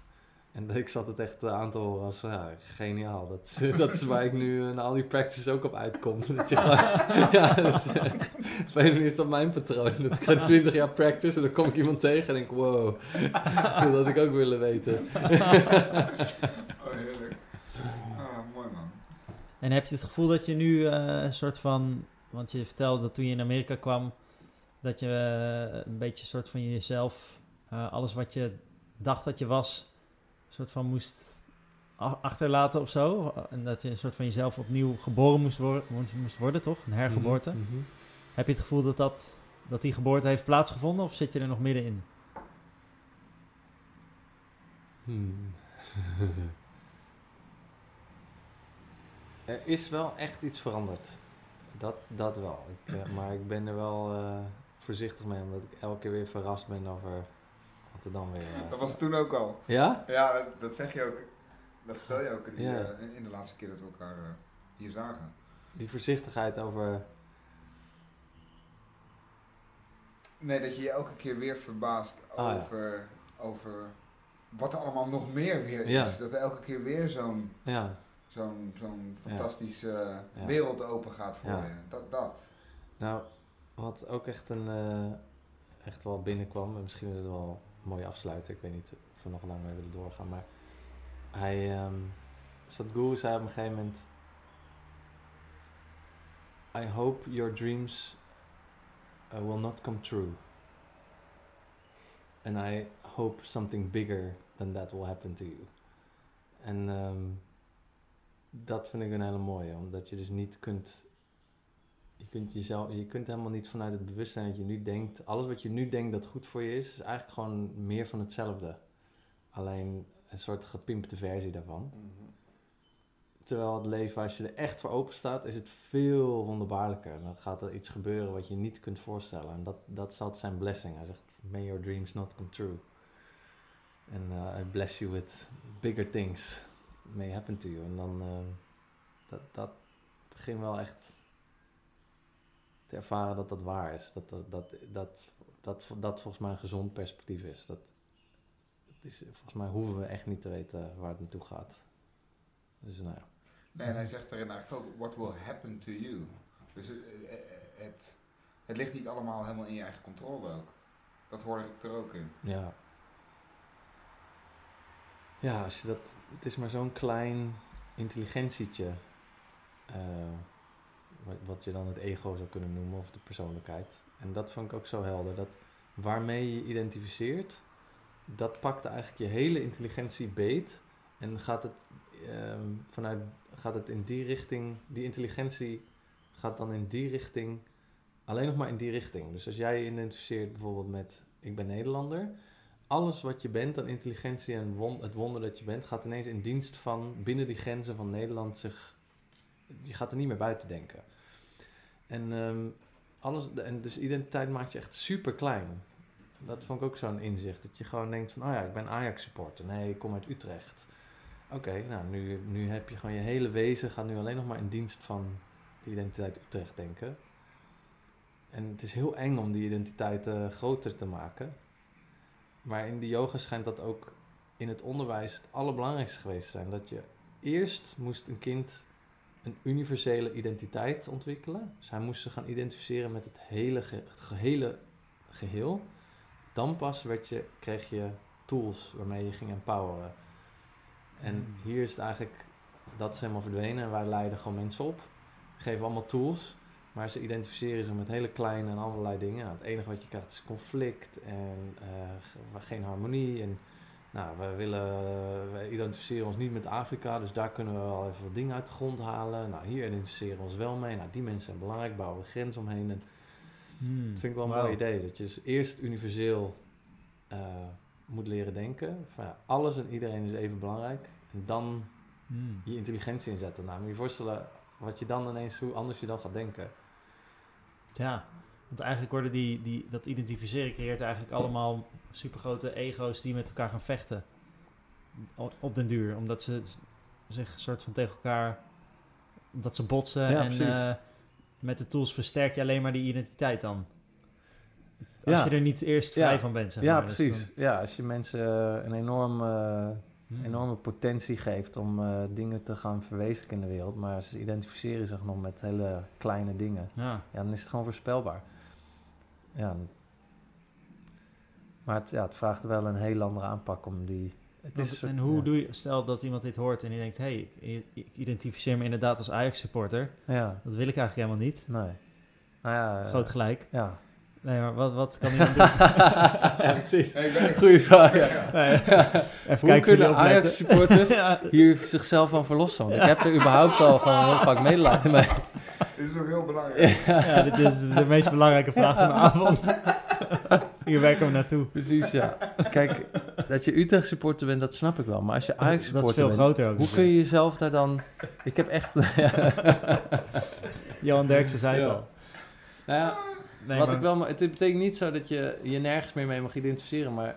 ehm, het wordt, als je het maar losjes vasthoudt. Hmm. Dus als jij ehm, een keer bij een Ajax-wedstrijd bent, nou, dan voel je je even Ajax ziet en dan heb je een hele leuke tijd daar. Ga je de week daarna naar Eh, Feyenoord. Maar je moet beseffen dat het dus een identiteit is die je even aantrekt, maar dat je dat, je dat niet bent. Ja, ja. Het is gewoon een jas of En die dat dan... is zo boeiend. Dus je zegt van, eh, ik ben bakker, ik ben schilder. Ja. Weet je, mensen identificeren, zich gewoon compleet met Ja, hun beroep. ja. Je, je bent het geworden. Ja. Ja, En dan hadden we net ook nog een gesprekje over Ja. aan het begin dat jij zei dat je ergens kwam dat iemand zich voorstelde en zei- meteen zei, hey, ja, ik ben Bart en ik ben manager. dat eigenlijk moet zeggen, ja, ben je nou Bart of ben je manager? Oh, heerlijk. ja. Maar ook die vraag waar we het ook over hadden voordat de microfoons aangingen van wat doe jij eigenlijk? Van wat doe jij nou eigenlijk? ja, wat doe je de hele tijd? Ja. Ja, nou ja, dan kun je identificeren met wat je doet. ja. Maar het is, ab- het, is, eh, het is eng om je nergens mee te identificeren. Want dan, wat blijft dan over? En, ja, dat, dat, het gek- dat voelt het als een sprong in het diepe, vind ik. Ja, dat blijft over bewustzijn? Of is dat, dat, dat te ver gezocht? Ja, het is moeilijk om daar een woord aan te geven. Ik denk Ja. dat het een ervaring is die iedereen diep van binnen gewoon kan voelen. Want het, het doet een soort aanspraak op dat wat je dus bent. En je bent niet je lichaam, je bent niet je mind, je bent niet je emoties, je bent niet je gevoelens, je bent niet al je ideeën, je bent niet je concept, je bent niet je religie, je bent niet je werk. Al die dingen, dat ben je niet. En als je dat dus inderdaad zegt en daar even bij stilstaat, dan voel je iets. Nou, dat zal vermoedelijk dichterbij zijn wat je bent. Wauw. Dat is een mooie. Is dat ook een practice dan, om dat allemaal te zeggen tegen jezelf? Want ik ben niet dit lichaam, ik ben niet gedachte, ik een van de practices die in die Isha-app ook zit, die ik ook zou aanraden. Daar zit eh, Isha Kriya in. Dat is een eh, meditatie, heel simpel. En daar doe je een paar ademhalingsoefeningen en een meditatie. En een van de dingen die herhaal je de hele tijd. I am not the body, I'm not even the mind. I am not the body, I'm not even the mind. Hmm. En op een manier doet dat iets. En dan krijg je een klein afstandje tussen wat je denkt dat je bent. Ik vergelijk dat met dat je, als je in een auto zit, dan als je je stoel veel te ver naar voren hebt staan, hoe die ervaring dan is, dan is toch alles super wild. Dan zit je heel dicht op de voorruit en denk je, wow, het leven, weet je al, alles is echt fucking extreem. Terwijl dan identificeer je dus eigenlijk veel te veel met de voorruit. Terwijl als je de stoel lekker naar achter zet en je hebt ruimte en ineens zie je gewoon, oh ja, ik ben dit allemaal niet. Je hebt veel meer tijd om alles te zien aankomen. Dat, hoe meer afstand je hebt tot jou en al je identiteiten, hoe meer het zo gaat voelen. Je, ziet, je, rijdt nog steeds door het leven heen, maar je ziet veel meer van, ah ja, dat stoplicht gaat op rood, laat ik nu alvast kalmeren. Weet je wel, nou, die gast is helemaal opgefokt, oké, maar laat maar even voor. In plaats van dat je helemaal tegen die voorruit aan zit en alles één op één meemaakt. Ja. Dat is ook een van de kenmerken van yoga, of een practice, dat die werkt. Dat je moet, het leven moet soepeler worden. Het, weet je wel, als je bij elke hoek waar je aankomt meteen op iets anders botst, dan zit je vermoedelijk te dicht tegen die voorruit aan. Ja, heerlijk voorbeeld weer. Ja.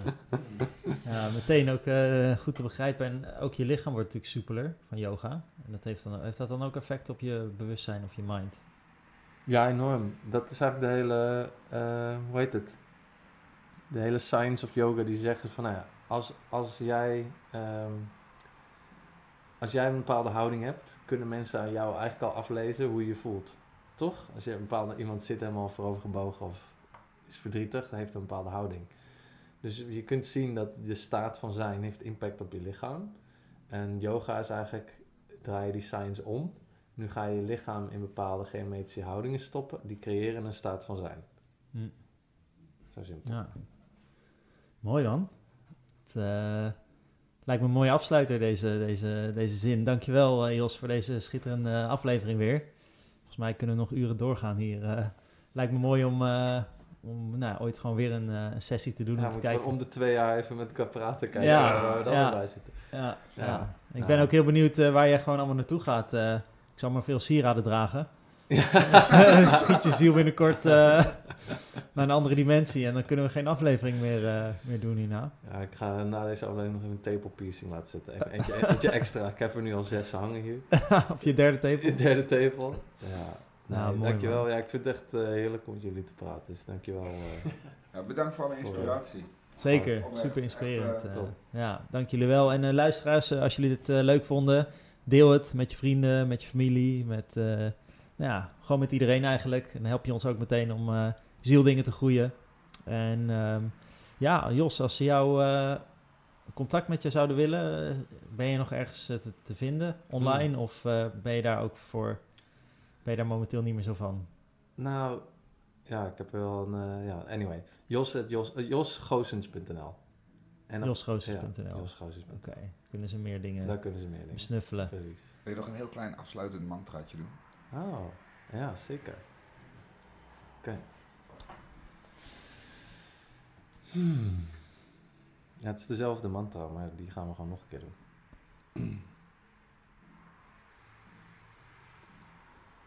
Asatoma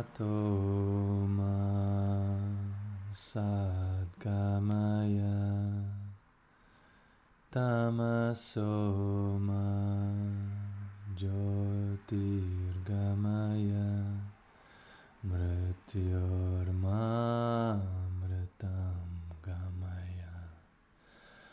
Aum Shanti Shanti Shanti